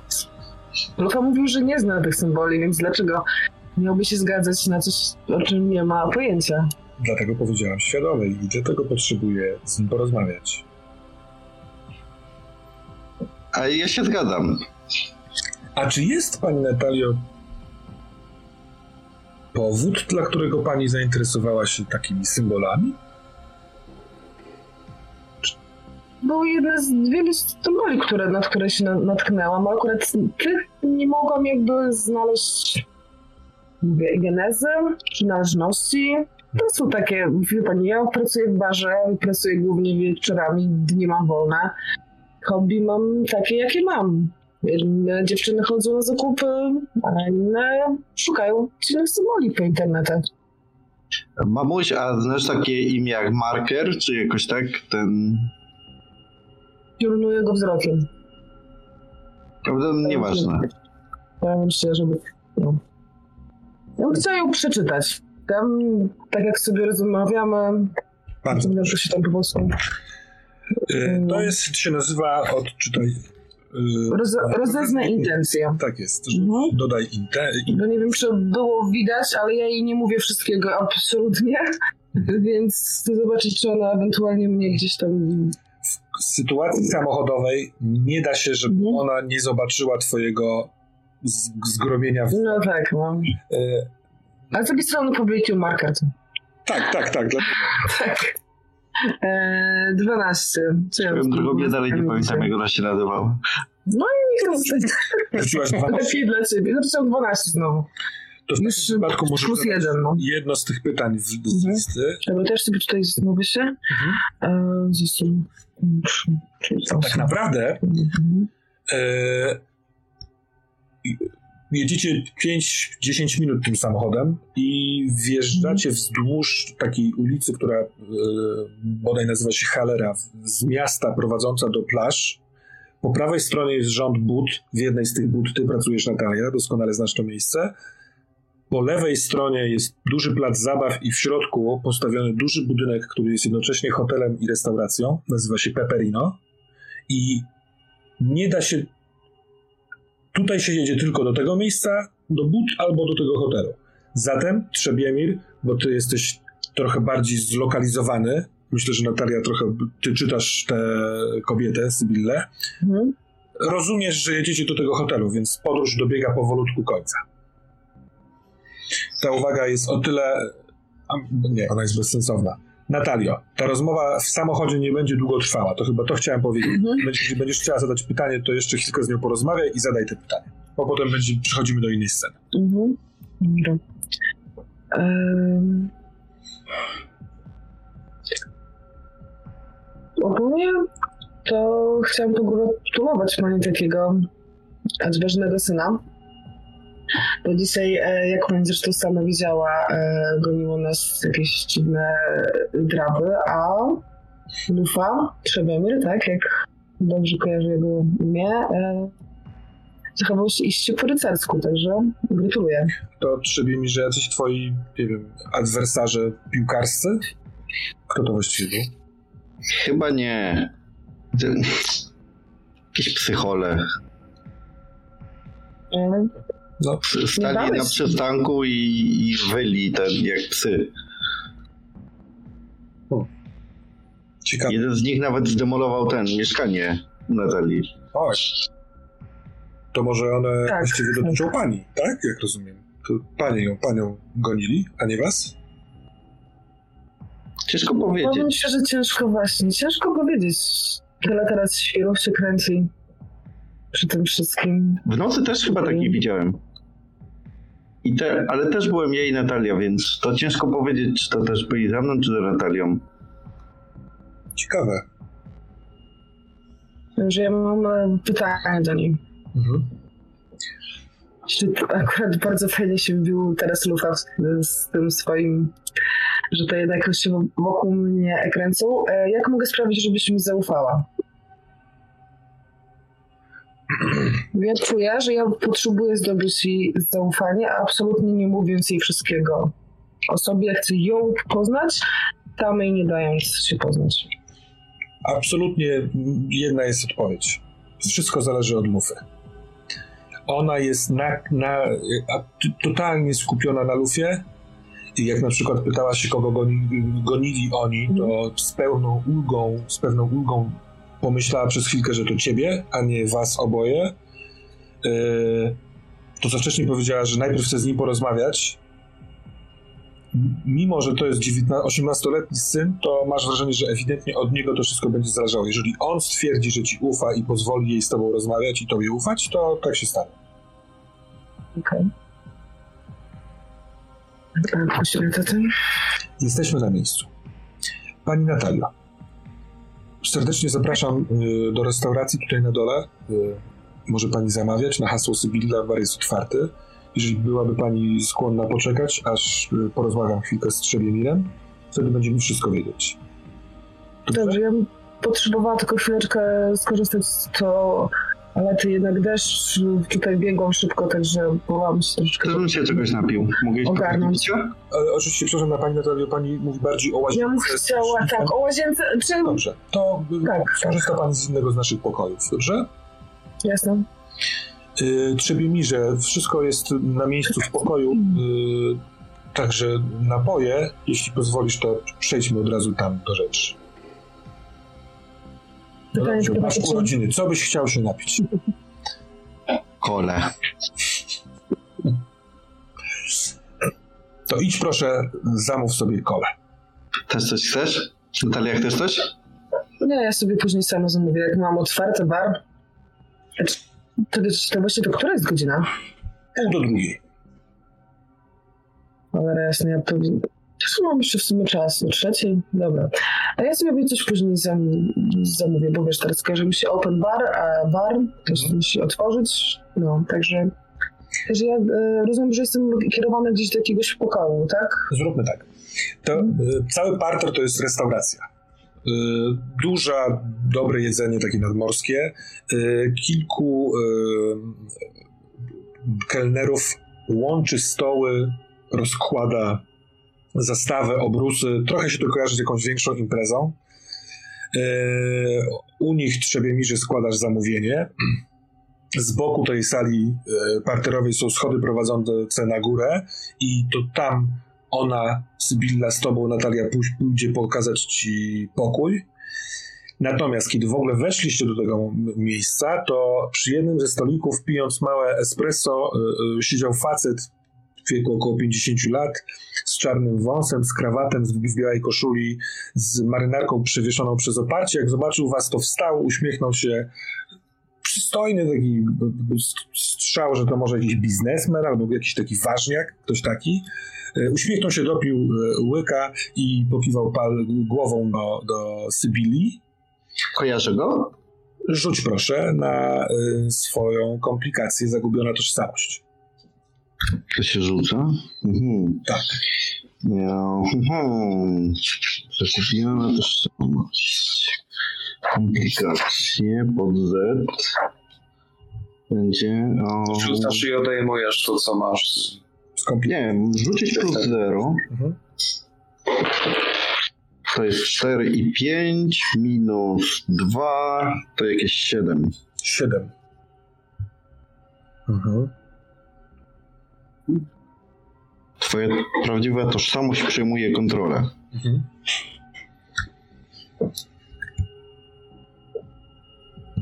Tak, znasz go, ale rozpoznaje to nie twój umysł i pamięć, tylko twoje ciało. To jest, kiedy spoglądasz na niego, to się lekko spinasz, bo wiesz, że to jest bardzo, bardzo gwałtowny człowiek. Twoja matka go lubi, on jest częścią tego zespołu, on jest teraz uśmiechnięty, on jest uśmiechnięty jak hu, jak król na banknocie, tylko że ty kilka razy słyszałeś, jak on się drze. I jako, że słyszałeś to jako dziecko, to masz taki po prostu odruch, taką kotwicę emocjonalną. I ten odruch sprawia, że wiesz, kim on jest. A on się do ciebie uśmiecha i mówi: Cześć, Trzebiemir. U, dorosły już, co? Dzień dobry. Nie poznaję mnie. Patrzy na Sybillę odchodzącą na schodach z Natalią. Nie poznajesz mnie, co? Jarosław Grzeny, przyjaciel twojej matki. Wyciąga rękę w twoją stronę. Mhm. Chcę mu uścisnąć dłoń jak najmocniej się da. Mhm. Ojej. No, dobra. No to co? Dziś jest ten dzień. Rozmawiałeś już z matką? O czym? O dzisiejszej imprezie. Wstępnie. No to super. No to co? Chyba możemy przejść na górę. Tam czeka na ciebie krawiec. Dzisiaj będziesz super eleganckim trzebiemirem. Dobrze. A pan wie, dlaczego mama wyprawia imprezę dla pana i reszty? Z okazji twoich urodzin. Ale dlaczego zaprosiła panów? Chyba zostawię ten temat twojej matce. Jeśli nie, jeśli to ci nie przeszkadza. No, wiesz co, mo, mo, mo, przecież nie jesteś głupim człowiekiem. Znamy się, przyjaźnimy się. Lubimy się, a spotykamy się dosyć rzadko dlatego, bo interesujemy się sprawami, które nie są zupełnie zwyczajne. Patrzę na jego dłoń, czy on gdzieś ma założony sygnet taki, jak mi matka dała? On ma, Pierścień? ma sygnet, ale zupełnie inny, taki, taki sy- sygnet bogatego typa. Natomiast bez tak oszałamiającego i wielkiego kamienia. Mhm. A on jest w tym wdzianku z tym znakiem, czy nie? Teraz? Co, stoi do ciebie e, face to face, więc nie do końca... Znaczy, nie, nie, nie, myślałem, że idziemy, że myślałem, że już idziemy w No, kierunku... no, dobra, dobra, no to w takim wypadku idziesz... Daje mu się wyprzedzić trochę i... Mhm. Ma, ma. Wzdłuż prawej łopatki pionowy, taki biały lampas przyczepiony i na nim te znaki. Zróbmy tak. Natalia, e, się odświeżasz i masz chwilę czasu, którą, o którą prosi Sybilla, żeby porozmawiała z Trzebiemirem. W tym czasie będziesz tym, e, e, Natalią za chwilkę będziesz miała e, działanie, a ty Trzebiemir, ten facet Jarosław doprowadza cię do pokoju. To na pierwszym piętrze jest po prostu długi dosyć korytarz wzdłuż całego tego budynku i odchodzące po obu stronach y, pokoje. Przy jednym z takich y, pokojów się zatrzymuje i kiedy chce otworzyć drzwi, to te drzwi się otwierają i widzisz w środku cztery osoby, też ubrane galowo, w tym jeden ewidentnie y, krawiec, bo ma przewieszony metr, ma przy, taką szmatę przewieszoną, w którą ma powtykanych bardzo dużo szpilek, y, okrągłe okularki, jest trochę niski, patrzy kto tu wszedł, ale z pokoju wychodzi Sybilla i mówi, Jarku, zaraz y, wrócimy. Trzebie mi, że mogę cię poprosić na chwilkę? Chcę z tobą odbyć rozmowę. Mhm. Prowadzi cię do pokoju obok, otwiera to kartą magnetyczną, to jest pokój pusty, taki pokój hotelowy, pewnie jej. Poznajesz trochę po zapachach perfum, które się tutaj, yy, które tu są, niewielka torba, którą ma ze sobą, taka bardzo malutka. Dobra, teraz próbuję skojarzyć. Widziałem w ciągu ostatnich 24 godzin pokój. Jak byłem u Natalii w nocy. Nie, Dobra, to było jak byłem u Kosy. Bo widziałem pokój hotelowy. Tak. Czy to jest ten sam pokój? Otwierasz się na, na wrażenie, które towarzyszy ci od momentu, kiedy zobaczyłeś Jarosława. Mhm. I w momencie, kiedy teraz zadajesz sobie to pytanie, to na chwilkę tracisz kontakt z rzeczywistością. Ona coś mówi do ciebie, twoja matka, ale to jest ten pokój obok, w którym zaraz będzie ten krawiec. Ten krawiec co jakiś czas pojawiał się na spotkaniach, szył wam rzecz. To nie jest tylko krawiec. On, tak jak twoja matka, zajmuje się tymi rzeczami, o których mówi, mówiła ci Natalia. Yy, o których szemrała Natalia w kuchni. Twoja matka też podobne rzeczy szemrała. I parę razy nieśli cię albo ciągnęli na siłę, jak byłeś starszy i uparty. na plażę, prosto z tego hotelu, przejściem tuż przy budach. Tak jakby chcieli cię co jakiś czas w twoje urodziny, jak piździało dookoła, żebyś stał na brzegu i patrzył. Czasami cię wrzucali do wody, w sensie bardziej wpychali. Słyszałeś twoją matkę, jak mówiła, przestań, nie trzeba. Słyszałeś, jak ten Jarosław krzyczał, jak został spoliczkowany przez innego faceta, który podnosi cię małego. To są takie urwane obrazki. On ma brodę, ma błękitne, niemal przezroczyste oczy i mówi, nie bój się, Trzebiemir. To wszystko, wszystko dojdzie do pewnego końca, w którym będziesz panem całego świata, a my będziemy bić ci pokłony. Ten lekki wiatr nad morzem, to, że Jarek się ekscytuje i nie potrafi powstrzymać, to są tylko małe szczegóły. Mój kochany syneczku.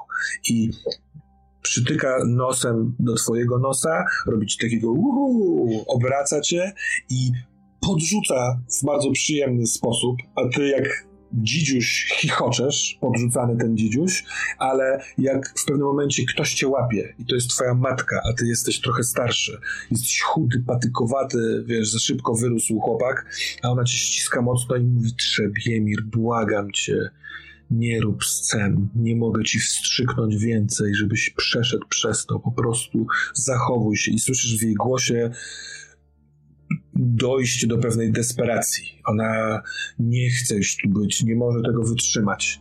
Yy, I ty odpychasz ją z całych tych swoich patykowatych ramion, z całych sił i widzisz, że podchodzi ten mężczyzna z brodą o przeźroczystych niemal oczach i ma strzykawkę i kiedy ty chcesz powiedzieć, przeklnąć pierwszy raz przy matce, on bardzo szybko łapie twoje przedramię i coś ci wstrzykuje, a potem jesteście przy tym stole, tak teraz szykowanym na dole, znowu jest uszykowany ładnie, wszyscy tam siedzą, jest ich parunastu, ten facet z brodą, ten cały Jarosław, kilka kobiet, w tym twoja matka Sybilla i ty bardzo długo krojący kotlet schabowy i szurasz nożem po talerzu, zyt, zyt, aż ktoś cię szturcha w ramię i ty, o, może, że spałeś przez chwilkę? Patrzysz na, na kobietę, która siedzi. mi, już ukroiłeś. I teraz masz. To taki jest.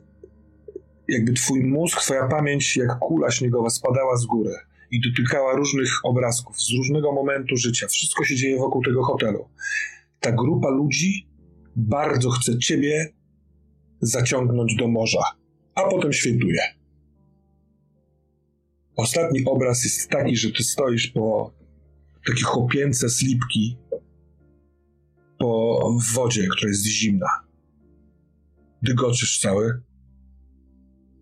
Z tego zimna aż boli ci całe ciało, takie gęsia skórka potężna.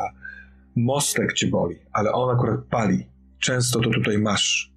Coś oni kurwa robią, że potem zapominasz o tym, ale masz płonący splot słoneczny. I fala, która dopływa do ciebie, odbija się od tego twojego mostka z sykiem.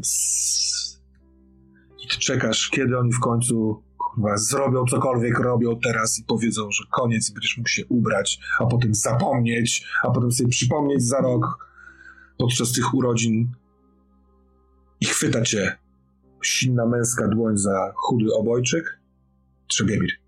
Synu, chodź, możemy wracać. Odwracasz się i widzisz tą brodatą twarz, uśmiech, który mówi: Jeszcze nie teraz. Chodź. Bierę cię za ramię. Trzebiemir, co jest? Twoja matka łap złapała cię za oba ramiona.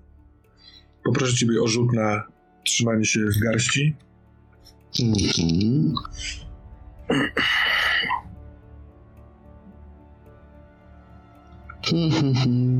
Coś tu się dodawało? Siłę. Siłę woli. Czyli 8. Hmm.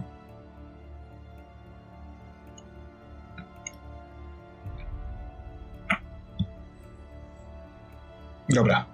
W momencie, kiedy twoja matka cię wybudza z tego potoku wspomnień, to stoisz, w, stoisz przy krześle, które jest pomiędzy łóżkiem a ścianą z oknem i ona cię zatrzymała, zanim usiadłeś na tym krześle. A ty na tym krześle, myśląc sobie o tym, siadałeś automatycznie, bo zawsze jak wchodziłeś do tego pokoju, to oni cię siłą usadzali na to krzesło, a potem już sam siadałeś, bo wiedziałeś, że nie ma co walczyć i tam dostawałeś zastrzyk. I przypomnienie sobie wkuwania się w te twoje szczupłe przygramie, w te żyłe igły, jak krzyczałeś z bólu, kosztuje cię razem z tym całym pakietem dwa stabilności. Mhm.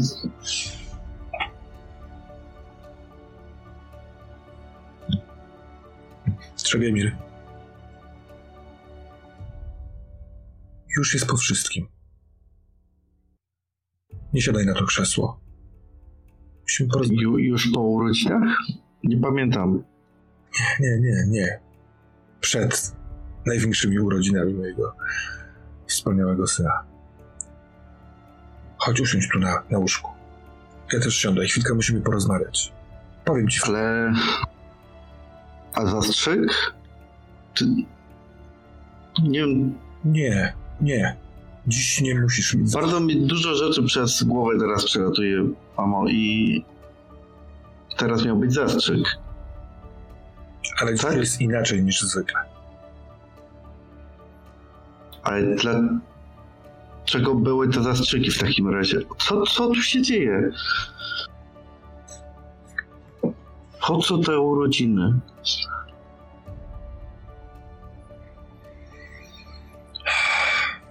Synku, ty i ja pochodzimy z bardzo starej rodziny.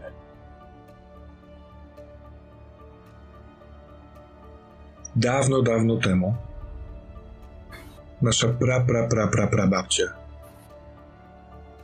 wzięła udział w pewnym rytuale. Dzięki niemu usiedliła potężnego ducha mórz pod ziemią. Zrobiła to po to, żeby wszyscy inni mogli tu wokół zamieszkać. Ten duch co roku chciał wyjść na zewnątrz. Byli tacy, którzy mieli pilnować, żeby tego nie zrobił. Ale ta nasza prababcia w pewnym momencie zorientowała się, że usiedlenie go było wielkim błędem. Bo nie mając nad sobą tego brutalnego, wielkiego, nawet nie przeciwnika, tylko kogoś, kto jest ponad tym wszystkim, my skarleliśmy. Zrobiliśmy się mali, marzący tylko o bezpieczeństwie, myślący, że nic nam nie zagraża. Dziś, synu, uwolnimy go z powrotem. A Ale widząc, po co?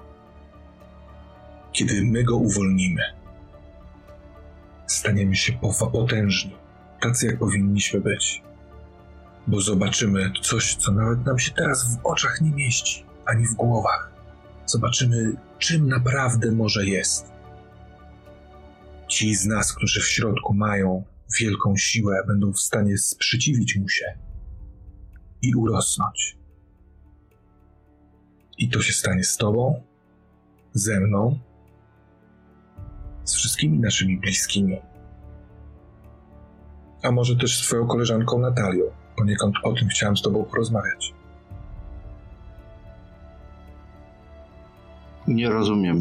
Czemu nie mogłeś tego powiedzieć w samochodzie? bo nie wiem, co cię z nią łączy. Świat po dzisiejszym dniu będzie bardzo, bardzo inny.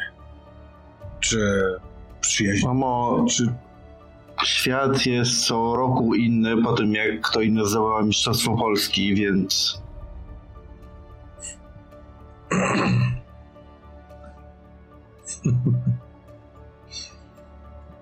Tak przyjaźnimy się. posiadanie takiego syna sprawia, że się nie pamięta o tym, że on jest dzieckiem. Tylko cały czas myśli się o tym, że jest spadkobiercą. Czy ona wytrzyma? Dziwactwo? Co ma wytrzymać? Słuchaj, dzisiaj widziałem jakieś...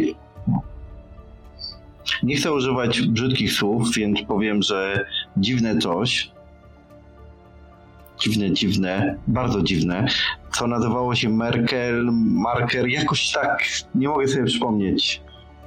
Markus, Malkut? Właśnie o to, tak, tak. I to, to na, z Natalią to widzieliśmy. I, I Natalia się z tym zna, chyba. Więc myślę, że jest gotowa na to, żeby słyszeć o dziwnych rzeczach. Synu, Malkut to nasza babcia. Co? To na razie zostawmy. Mm, Juliuszu Zbigniewie, on się zatrzymał. On jest w miejscu, w którym parę kroków, w tym parku jeszcze brzeźnieńskim, parę kroków jest w stronę morza do tej wieży, parę kroków za waszymi plecami jest do nasypu i tej baterii i Mickiewicza, parę kroków przed siebie to jest pętla tramwajowa i dalej budy oraz miejsce, do którego idziecie. Ale on się zatrzyma i rozgląda się pomiędzy drzewami i mówi. Ten diabeł przyzwał swoich, oni będą chcieli zatrzymać cię, strażniku, dla siebie. Będą robić wszystko, żeby ci się nie udało nas wezwać wtedy, kiedy będzie trzeba. Musimy uciekać jak najszybciej, ale mamy stare nogi. Tyle trzeba. Ty? Nie wiem. Ja wiem, co trzeba zrobić, kiedy mnie wezwiesz, ale nie wiem, kiedy ty będziesz wiedział. No dobrze, ale czy ty jesteś w stanie... Nie teraz! Nie teraz! Albo uciekamy na... Lećmy, jeżeli nas gonią. się przeciwstawić tym, co przyszli teraz? Panowie, Julek, albo jak nas biegniemy na, na nogach wzdłuż morza, ale oni będą nas gonić, albo, jeśli jesteście strażnikami odważnymi, idziemy dołem. i pokazuje w stronę wejścia, w które wszedłeś we śnie Zbigniewie. No to chodźmy do Chodźmy tam, ja tam byłem. Chodźmy. Jul, Julek, nie ma czasu. Jeżeli będą i już biegnąc, ciągnąc Julka za sobą, mówię, że, że już będą nas, pewnie gonią nas ci goście, co wczoraj pod wieżą byli. Dobra, Oni bo, mieli noże, no. to dawaj do schronu, no. Wejście do schronu jest takie, że e, z poziomu trawy trzeba zejść starymi, starymi, obrośniętymi zieleniną dwoma schodkami, tak jakby trochę w dół i nasyp ziemi, na którym stoi Mickiewicz, odsłania w pewnych miejscach cegły. To jest naprawdę stary, stary bunkier e, wojenny. To właściwie no, bateria. Tam jest zdecydowanie więcej miejsca niż w zwykłym bunkrze. I obaj dobrze wiecie, że większość wejść do tego miejsca jest zamkniętych. Niektóre zostają, zostały wyrywane, żeby żule sobie tam przebywały, albo młodzież e, próbująca zażywać narkotyki. I to miejsce, do którego on prowadzi, jest zakryte taką, takim białym jakby steropianem. No nie steropianem, to jest inny materiał. Takim czymś twardym, ale ten y, dziad podchodzi i szybko odwiązuje taki zawinięty drut u dołu, przez co stwarza, y, można jakby odgiąć to i wejść w szczelinę do środka. Tego czegoś we śnie nie było w Zbigniewie, ale możliwe, że też nie będzie innych rzeczy, które we śnie były. Szybko, do środka! Tam jest w środku ciemno, on nie ma latarki Ja telefon, latarka w telefonie. i wchodzisz pierwszy? Ja Tak, chodzę pierwszy. jedno Okej. pytanie na poziomie mam takie. Czy w związku z moją komplikacją na alkohol, Mhm. czy nie mam już po tym, jak sobie zmetabolizowałem tę tą małą seteczkę jakiejś chęci na wyregulowanie się, czy jakby odeszła mi ta chęć? A czy ty masz przy sobie alkohol? No nie, bo walnąłem setkę tuż przed Nie, to wejściem. na razie się to nie, nie, nie triggeruje. Ty możesz chcieć fabularnie się napić, ale nie masz alkoholu. No. A jak Aha, będziesz miał w okolicy alkohol, to wtedy rzucimy, czy musisz się napić, bo inaczej będzie ci to kosztowało stabilność. dobra. Mhm. Ruszam. Ale tak, ale pewna jest jedna rzecz, Juliuszu. Nie spodziewasz się tam na dole sklepiku z alkoholem albo osoby, które tu imprezują, podejrzewasz, że wypijają do końca. Więc Zbigniew wchodzi do środka, dziad trzyma to odgięte, patrzy nagle w y, gęstwę lasu, już właściwie się zrobił niemal zupełnie ciemno, patrzysz w tamtą stronę i jest tam jakiś ruch, ale, ale on jest trochę za ciemny, trochę nie widać dokładnie co jest. Czy ty chcesz wejść do podziemi z Zbigniewem, który mówi o Wielkiej Lechi? Z dziadkiem, który śmierci straszliwie i ma zakrwawioną klatkę piersiową? Czy raczej pójść gdzieś do żabki? Bo chyba z jutrzejszego rytuału z panem Rafałem nic, chyba że się dogadacie. No tak, ale ja jestem na takiej adrenalinie, że, że wolę, już jestem tak... Ja wołam, Julek, nie ma czasu, chodź! Trzymam tu I go ściągnę tam. kolą śmierdzący, no, z panem aniołem. Gustawem, ale co, co z nim, bo mi urwało na początku twojej... E, trzymam e, blachę, żeby on wszedł i jestem na takiej adrenalinie, że Dobra. mówię, że dobra, jedziemy, jedziemy. No dobra, to on, on wchodzi, on, on rzeczywiście śmierdzi e, różnymi rzeczami, w tym krwią. I ty jest, zostajesz na końcu, trzymasz tą blachę, jako że zostajesz na końcu, to z miejsca, w którym wcześniej widziałeś ruch, widzisz wychodzących dwóch mężczyzn. To nie są, to nie jest Rafał Płóciennik, obaj są dosyć wysocy, w czarnych płaszczach, e, wystające białe koszule chyba, albo coś takiego, albo coś białego przynajmniej tutaj i idą rozglądając się tacy przez trawę, nie po alejkach. A czy ta, w ostatnim momencie, jak spojrzeliśmy, to oni byli świadomi tego, że wchodzimy, czy nie? Widzieli nas? Czy nie jesteśmy w stanie A ty, jak widziałeś ich, to od razu wchodzisz, czy patrzysz, żeby zobaczyć, czy oni was widzą?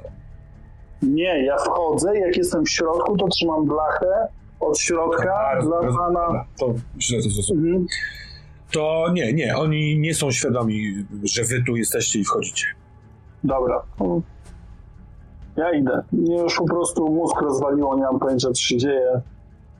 Indiana Jones in, in, in progress po prostu. Jak zamykasz tą blachę, że tak powiem, to jedyne oświetlenie w tym pomieszczeniu, pełnym kipów, puszek, naniesionego piasku, jakichś kamieni, na których się siada malowideł na murach, jest telefon, latarka w telefonie Zbigniewa, więc jest tak trochę kripolsko, a dziad Gustaw, żeby trochę dołożyć, zaczyna się chichotać, jak taki właśnie, e, powiedziałbym, e, baba Jaga, ale to chłop Jaga. Kto by pomyślał? Gustaw i dwóch strażników. Wchodzimy, chodzimy. Szybko, szybko. Zaraz nas wyniuchają i pójdą za nami. Ale jak pójdziemy trochę dalej, znam wyjście do mojego domu. Tam nic nam nie zrobią. Pach! No dobra, to chodź, chodź panie Gustawie, prędzej. Nie wiem, ja już nie wiem, kto jest dobrym diabłem, złym aniołem i odwrotnie, po prostu nie mam pojęcia. Dobra, Julek, liczy się, Julek, liczy się prawda. Prawda jest najważniejsza. No dobrze, ale jaka jest prawda? Tego się dowiemy. Ja już tak przy okazji, jak e, oczywiście się na pewno tam rozglądam, przy okazji jak którędy idziemy i tak dalej, to chcę sobie trochę porównywać to z tym z moim koszmarem, który miałem. Więc jak z tego pierwszego miejsca przechodzicie wąskim takim prze, ta, ta, taką, taką, takim wąskim przejściem pomiędzy dwoma murami do drugiego pomieszczenia, to natychmiastowo masz taką migawkę peks, że we śnie tu było biurko, za biurkiem siedział Łojecki i coś pisał, to biurko próbował odsunąć e, Paweł, ale to sekunda i mija, po prostu to jest to samo miejsce. I masz poczucie, że Paweł tu był. To to niby jest ze snu, ale tak jak ze snu inne informacje mają odbicie w realizmie, to to też chyba oznaczało to. Tym bardziej, że dziad, dziad przechodzi za to biurko i w miejsce, gdzie ty znalazłeś niewielką szczelinę, y, w którą chciałeś się przedostać, żeby nie zatonąć, to on tam właśnie podchodzi. To ta szczelina jest tak samo cienka, w sensie niewielka, a on kładzie dłoń na jednej z nich, odwraca się w waszą stronę i śmiało panowie, do przodu. Jeszcze jedną rzecz chciałem w sumie wcześniej zrobić, bo patrząc powiedzmy, jak była ta scena, kiedy widziałem przez sekundę to biurko, przy którym siedział Łojecki i przy którym kopał tam Paweł uparcie, który mówił, że pod biurkiem tam coś jest. Mhm. To idąc wcześniej chciałbym zobaczyć w tym miejscu, w którym było to biurko, czy tam coś jest faktycznie na tej podłodze, na, na tym gruncie, czy cokolwiek tam jest. Dobra, to zróbmy to. Y, Poproszę cię o rzut na przejrzyj iluzję. Dodajesz do tego duszę Nie masz ku, w sensie żadnych modyfikatorów. Tak, ujemnych nie mam, tylko zobaczę ile mam duszy, bo chyba będzie miało znaczenie. E, to jest 13 plus 2. To jest 15. No dobra, okej, to 15.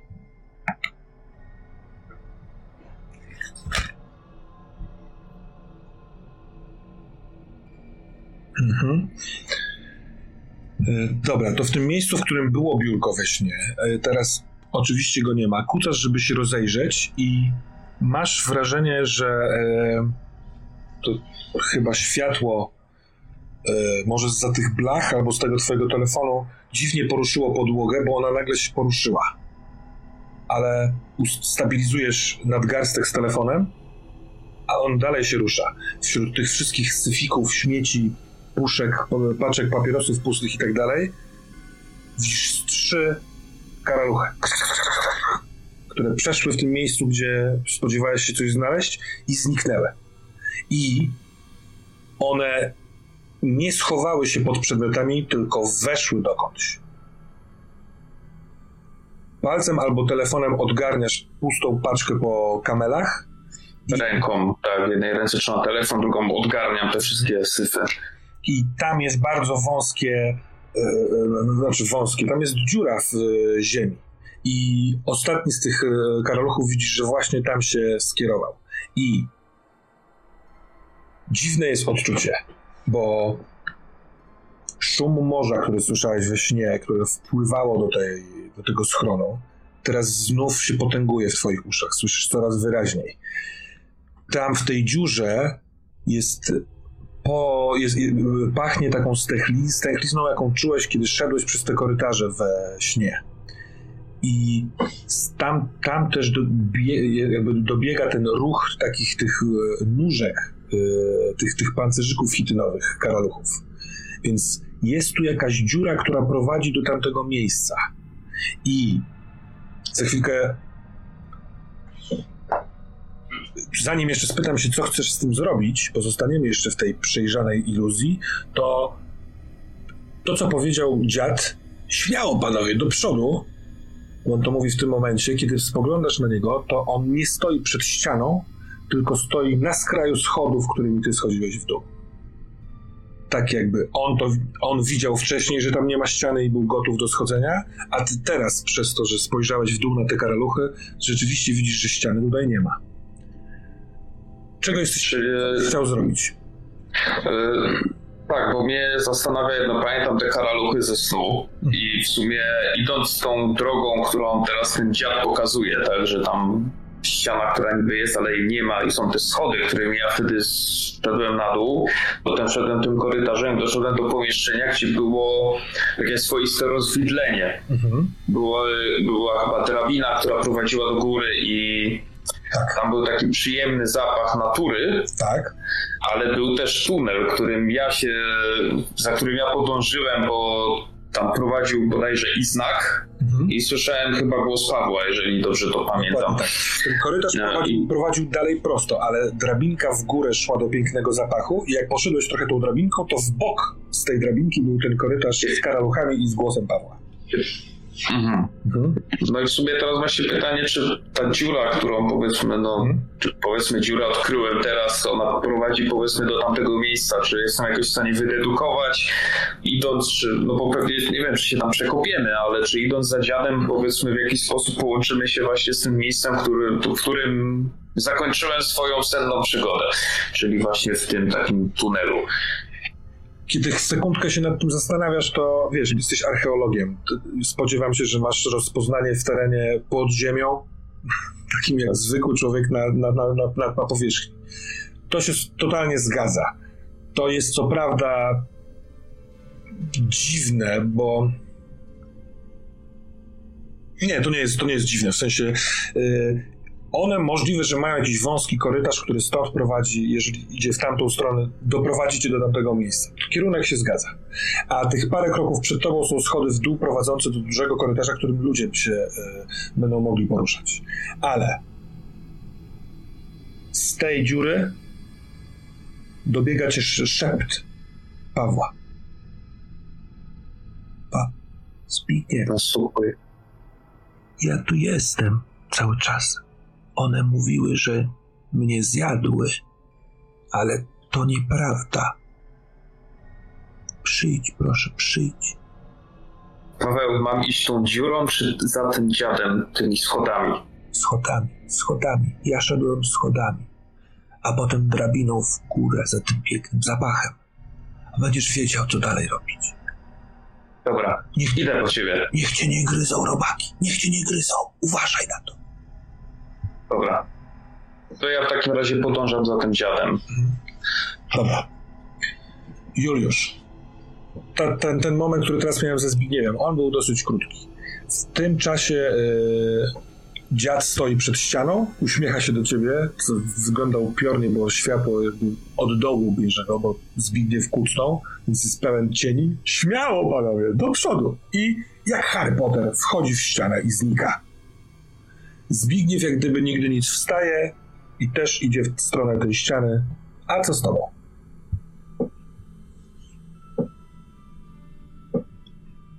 Mnie absurd tej sytuacji już przekroczył jakiekolwiek możliwe dla mnie e, sytuacje. W tej chwili jestem, mam poczucie zagrożenia, czy idę dobrą drogą, czy są ci dobrzy, czy to są ci źli, ale jest tutaj Zbigniew. Zbigniew Zbigniewowi ufam, jest moim przyjacielem, a więc trochę on ma przekonanie, on też ma jakąś wiedzę, nie jesteśmy w stanie się teraz rozmówić. On też ma jakieś przeczucia, więc jak dwóch nas ma przeczucie, że to ten dobry, to idę za tym dobrem. Ale zaczyna mnie to. Trochę to jest na pograniczy jawy i snu dla mnie. To jest jak gdyby zupełnie do końca nie wiem, czy to rzeczywistość, czy nie. Jak gdyby daje się ponieść, bo to jest jakiś oddech w moim życiu. Nagle się okazuje, że, że, że jest jakiś cel, jest jakiś sens, jest jakieś dobro, jest jakieś zło. A więc ja jak gdyby idę za tym. Jak gdyby. Ahoj przygodo no, prostym człowiekiem. To ten zestaw myśli sprawia, że i to, że obok ciebie idzie Zbigniew, możliwe, że wiesz, poczekał krok, żebyście razem y, weszli na tą klatkę schodową, sprawia, że idziecie schodami w dół, w dół i w dół, dużym takim, nawet nie korytarzem, tylko dużą klatką schodową, której ściany po dwóch stronach są proste, y, wybudowane raczej niż wydrążone. Na samym dole Dziad nawet się nie waha, tylko od razu skręca w lewo, tam gdzie ty skręciłeś we śnie Zbigniewie, a ty widzisz już, że jest droga w prawo i w lewo. Yy, I będziecie odbywać podróż znów tymi korytarzami, ale to już w następnej sesji. Natomiast zanim to, to jeszcze Natalia, która się trochę oporządziła w Mhm. łazience. Yy, Ty chcesz zostać w tym hotelu, bo w sensie w tym pokoju, bo Sybilla powiedziała, jak, jak, jak pani chce, to może pani poczekać tutaj w pokoju, albo zejść na dół i zamówić. To jak pani sobie. Ja chcę zostać w tym pokoju. Ja chcę zostać w tym e, pokoju. Miałam w sumie taki plan, że jak brałam prysznic, e, narobiłam parę w łazience i chcę na lustrze z zaparowanym wyrysować te symbole, które cały czas mam w głowie. Tak się im bardzo intensywnie przyglądam. Mam taki monolog wewnętrzny, czy czy wy jesteście powiązane ze mną, czy wy jesteście powiązane z Malkut, czy wy jesteście powiązane z moim tatuażem? Czy tatuaż się skończył, bo pakt się skończył? Czy pakt się skończył, bo tatuaż się skończył? Gdzie, gdzie mam szukać w tym wszystkim jakiegokolwiek sensu? Mam taki monolog wewnętrzny i w tym momencie chciałabym, żeby oddzwoniła do mnie Litka, bo miała dla mnie informację. I w tym momencie dzwoni twój telefon. I jest to Litka. Yy... Szybko czmychnęłam z obiadu rodzinnego, bo trochę za bardzo mnie... Dzięki bardzo, dzięki. I co masz dla mnie? Słuchaj, pogrzebałam w kilku książkach i tak. Malkut jest, jed, je, jest z zastępu aniołów, które pilnują naszego świata. One zostały powołane do, do tego, żeby pilnować, żeby do naszego świata nie przeniknęło zło z jakiegoś równoległego świata. W niektórych miejscach nazywa się to infernem, piekłem. Żeby piekielne stwory nie przedostały się do nas, do ludzi, to gdzieś pośród nas funkcjonują anioły, które mają swoich, swoje sługi. Często są to też byty ponadnaturalne i one pilnują tego porządku. Natomiast Malkut jest jest to zbuntowany anioł.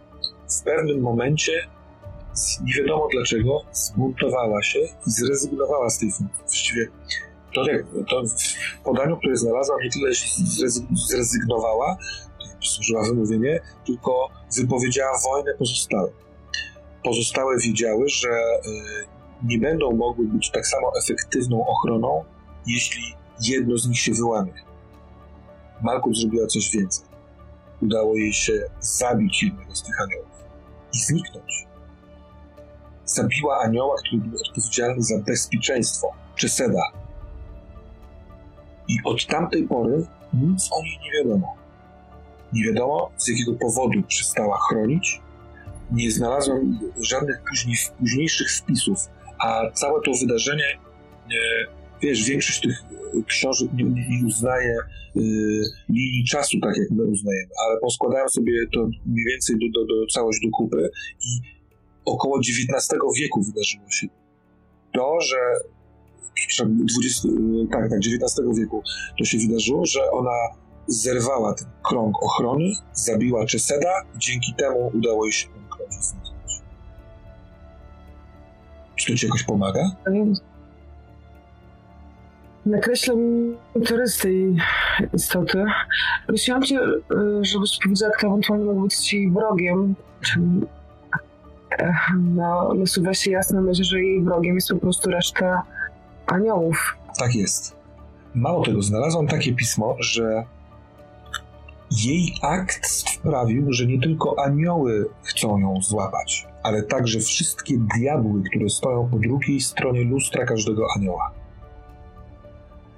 W tym momencie, Natalio, ta rozmowa złapała cię w łazience, przed mm. tobą lustro z, z narysowanymi znakami i widzisz w tym lustrze swoje odbicie, w tych paskach, które wytyczyły twoje palce rysujące mhm. symbole. I w kontekście tego, co ona powiedziała, że po stronie, po jednej stronie lustra stoi anioł, a po drugiej stronie stoi diabeł, Ciekawe, kim ty teraz jesteś, a kim jest to coś, co patrzy z drugiej strony.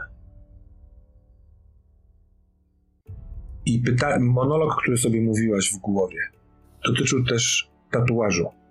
I widzisz, że para spływająca z lustra powoli zniekształca te znaki, które narysowałaś i przez chwilkę układa się w kształt tego, co masz na plecach.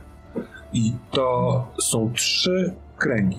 Jeden w środku, drugi zewnętrzny i duży yy, zewnętrzny. Tryks i wiesz, że to właśnie masz w całości wytatuowane na plecach. Halo? Natalka, jesteś tam? Tak, tak. Więc o dziwo właśnie te diabły wszystkie też chcą dorwać yy, tą całą Malkut. Dlatego właśnie nic o niej nie wiadomo. Nie wiadomo, yy, dlaczego to zrobiła i gdzie się teraz spodziewa jest ścigana przez obie strony, tak? Mhm.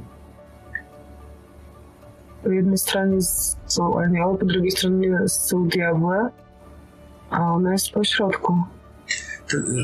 E, podania, z których, z których to znalazłam, często dosłownie odcinają się od jakiejkolwiek kultury chrześcijańskiej, a słów anioły i e, diabły używają. Nazwijmy. Mhm. Tak, tak, że to tylko. Dobro, zło, tak. Mhm. Dobro, zło, piekło, niebo, zdomek zwał, ważne, że dwie totalnie przeciwstawne do siebie siły. A dlaczego, dlaczego ona, nie ma nigdzie, dla, dlaczego ona się zbuntowała? Nie znalazłeś żadnej informacji, co się stało. Zastanawiałam się nad tym. I skoro jedyne rzeczy, o których wiemy, czy co te anioły robiły, czyli miały strzec przejścia, to ona przestała chcieć strzec przejścia. Może chciała, żeby coś mogła, przeszło. Mogła być świadoma tego, że jeżeli ona przerwie pewien wzór, to to wszystko będzie wtedy osłabione. Tylko dlaczego diabły też ją ścigają? Może to przejście jest do czegoś innego. Równowaga zawsze jest potrzebna. Mhm. Może to tak. Ty mówisz, że jest Miałaś kontakt z tą całą Malkus? Albo z nią, albo, za, albo z czymś, co się podawało za nią. w jednym, w, jednej, w jednym z ustępów przeczytałem, że tak naprawdę te anioły to są byty niekoniecznie materialne, tylko jakieś takie dyrektywy, założenia. To, że to bardziej Idea. ich słudzy y, wykonują ich wolę. Więc jeśli mówisz, że spotkałeś się z Malkut, to według tego opisu ustępu jest to raczej nieprawdopodobne, ale możliwe, że z kimś od niej. Tak. Tylko to w takim razie uważaj, wcieleniem. albo możliwe, że e, szukasz sojusznika w kimś, kto u wszystkich ma przeklapane. O co chodzi, że nie wiem, czy to jest mój sojusznik, bo na to wygląda. Dzwoniła do mnie dzisiaj moja mama, wiesz? Moja mama do mnie zadzwoniła. Co ty mówisz? Jak to? A to chyba znaczy, że ten pakt został zerwany. I Malkut, Mark, Malkut albo jej to wcielenie, cokolwiek to było, przyszło do mnie. Powiedziało, że możemy zerwać ten pakt. To wspaniale. I dosłownie parę dziesiąt minut, godziny później zadzwoniła do mnie moja mama, prosząc mnie o spotkanie. Czyli udało mi się to, do czego dążyłam większą część mojego życia. Zerwałam ten pakt. To dlaczego teraz nie odejdę? Dlaczego nie odejdę teraz i zacznę żyć swoim życiem, tylko chcę, chcę się dowiedzieć, kim ona jest. Kim za... Nadal tak właściwie nie wiem, z kim zawarłam ten pakt. To jest dobre pytanie, Natalia. To jest dobre pytanie. Na mikroskali zrobiłam dzisiaj to samo. Zamiast zjeść co niedzielny obiad z rodziną, zasymulowałam złe samopoczucie, żeby grzebać w księgach na temat Malkut. Proszę bardzo. Przecież wiem, że wolałabyś robić to, co robiłaś, a nie siedzieć i wcinać sch- schabowo. No to może masz swoją odpowiedź. Dzięki, Litka. Nie ma sprawy, jeżeli pozwolisz, to dalej będę w tym grzebał, jak się dowiem czegoś nowego, to dam ci znać. Okej, ale Dobra. uważaj, Nie miałem tak... uważaj na siebie.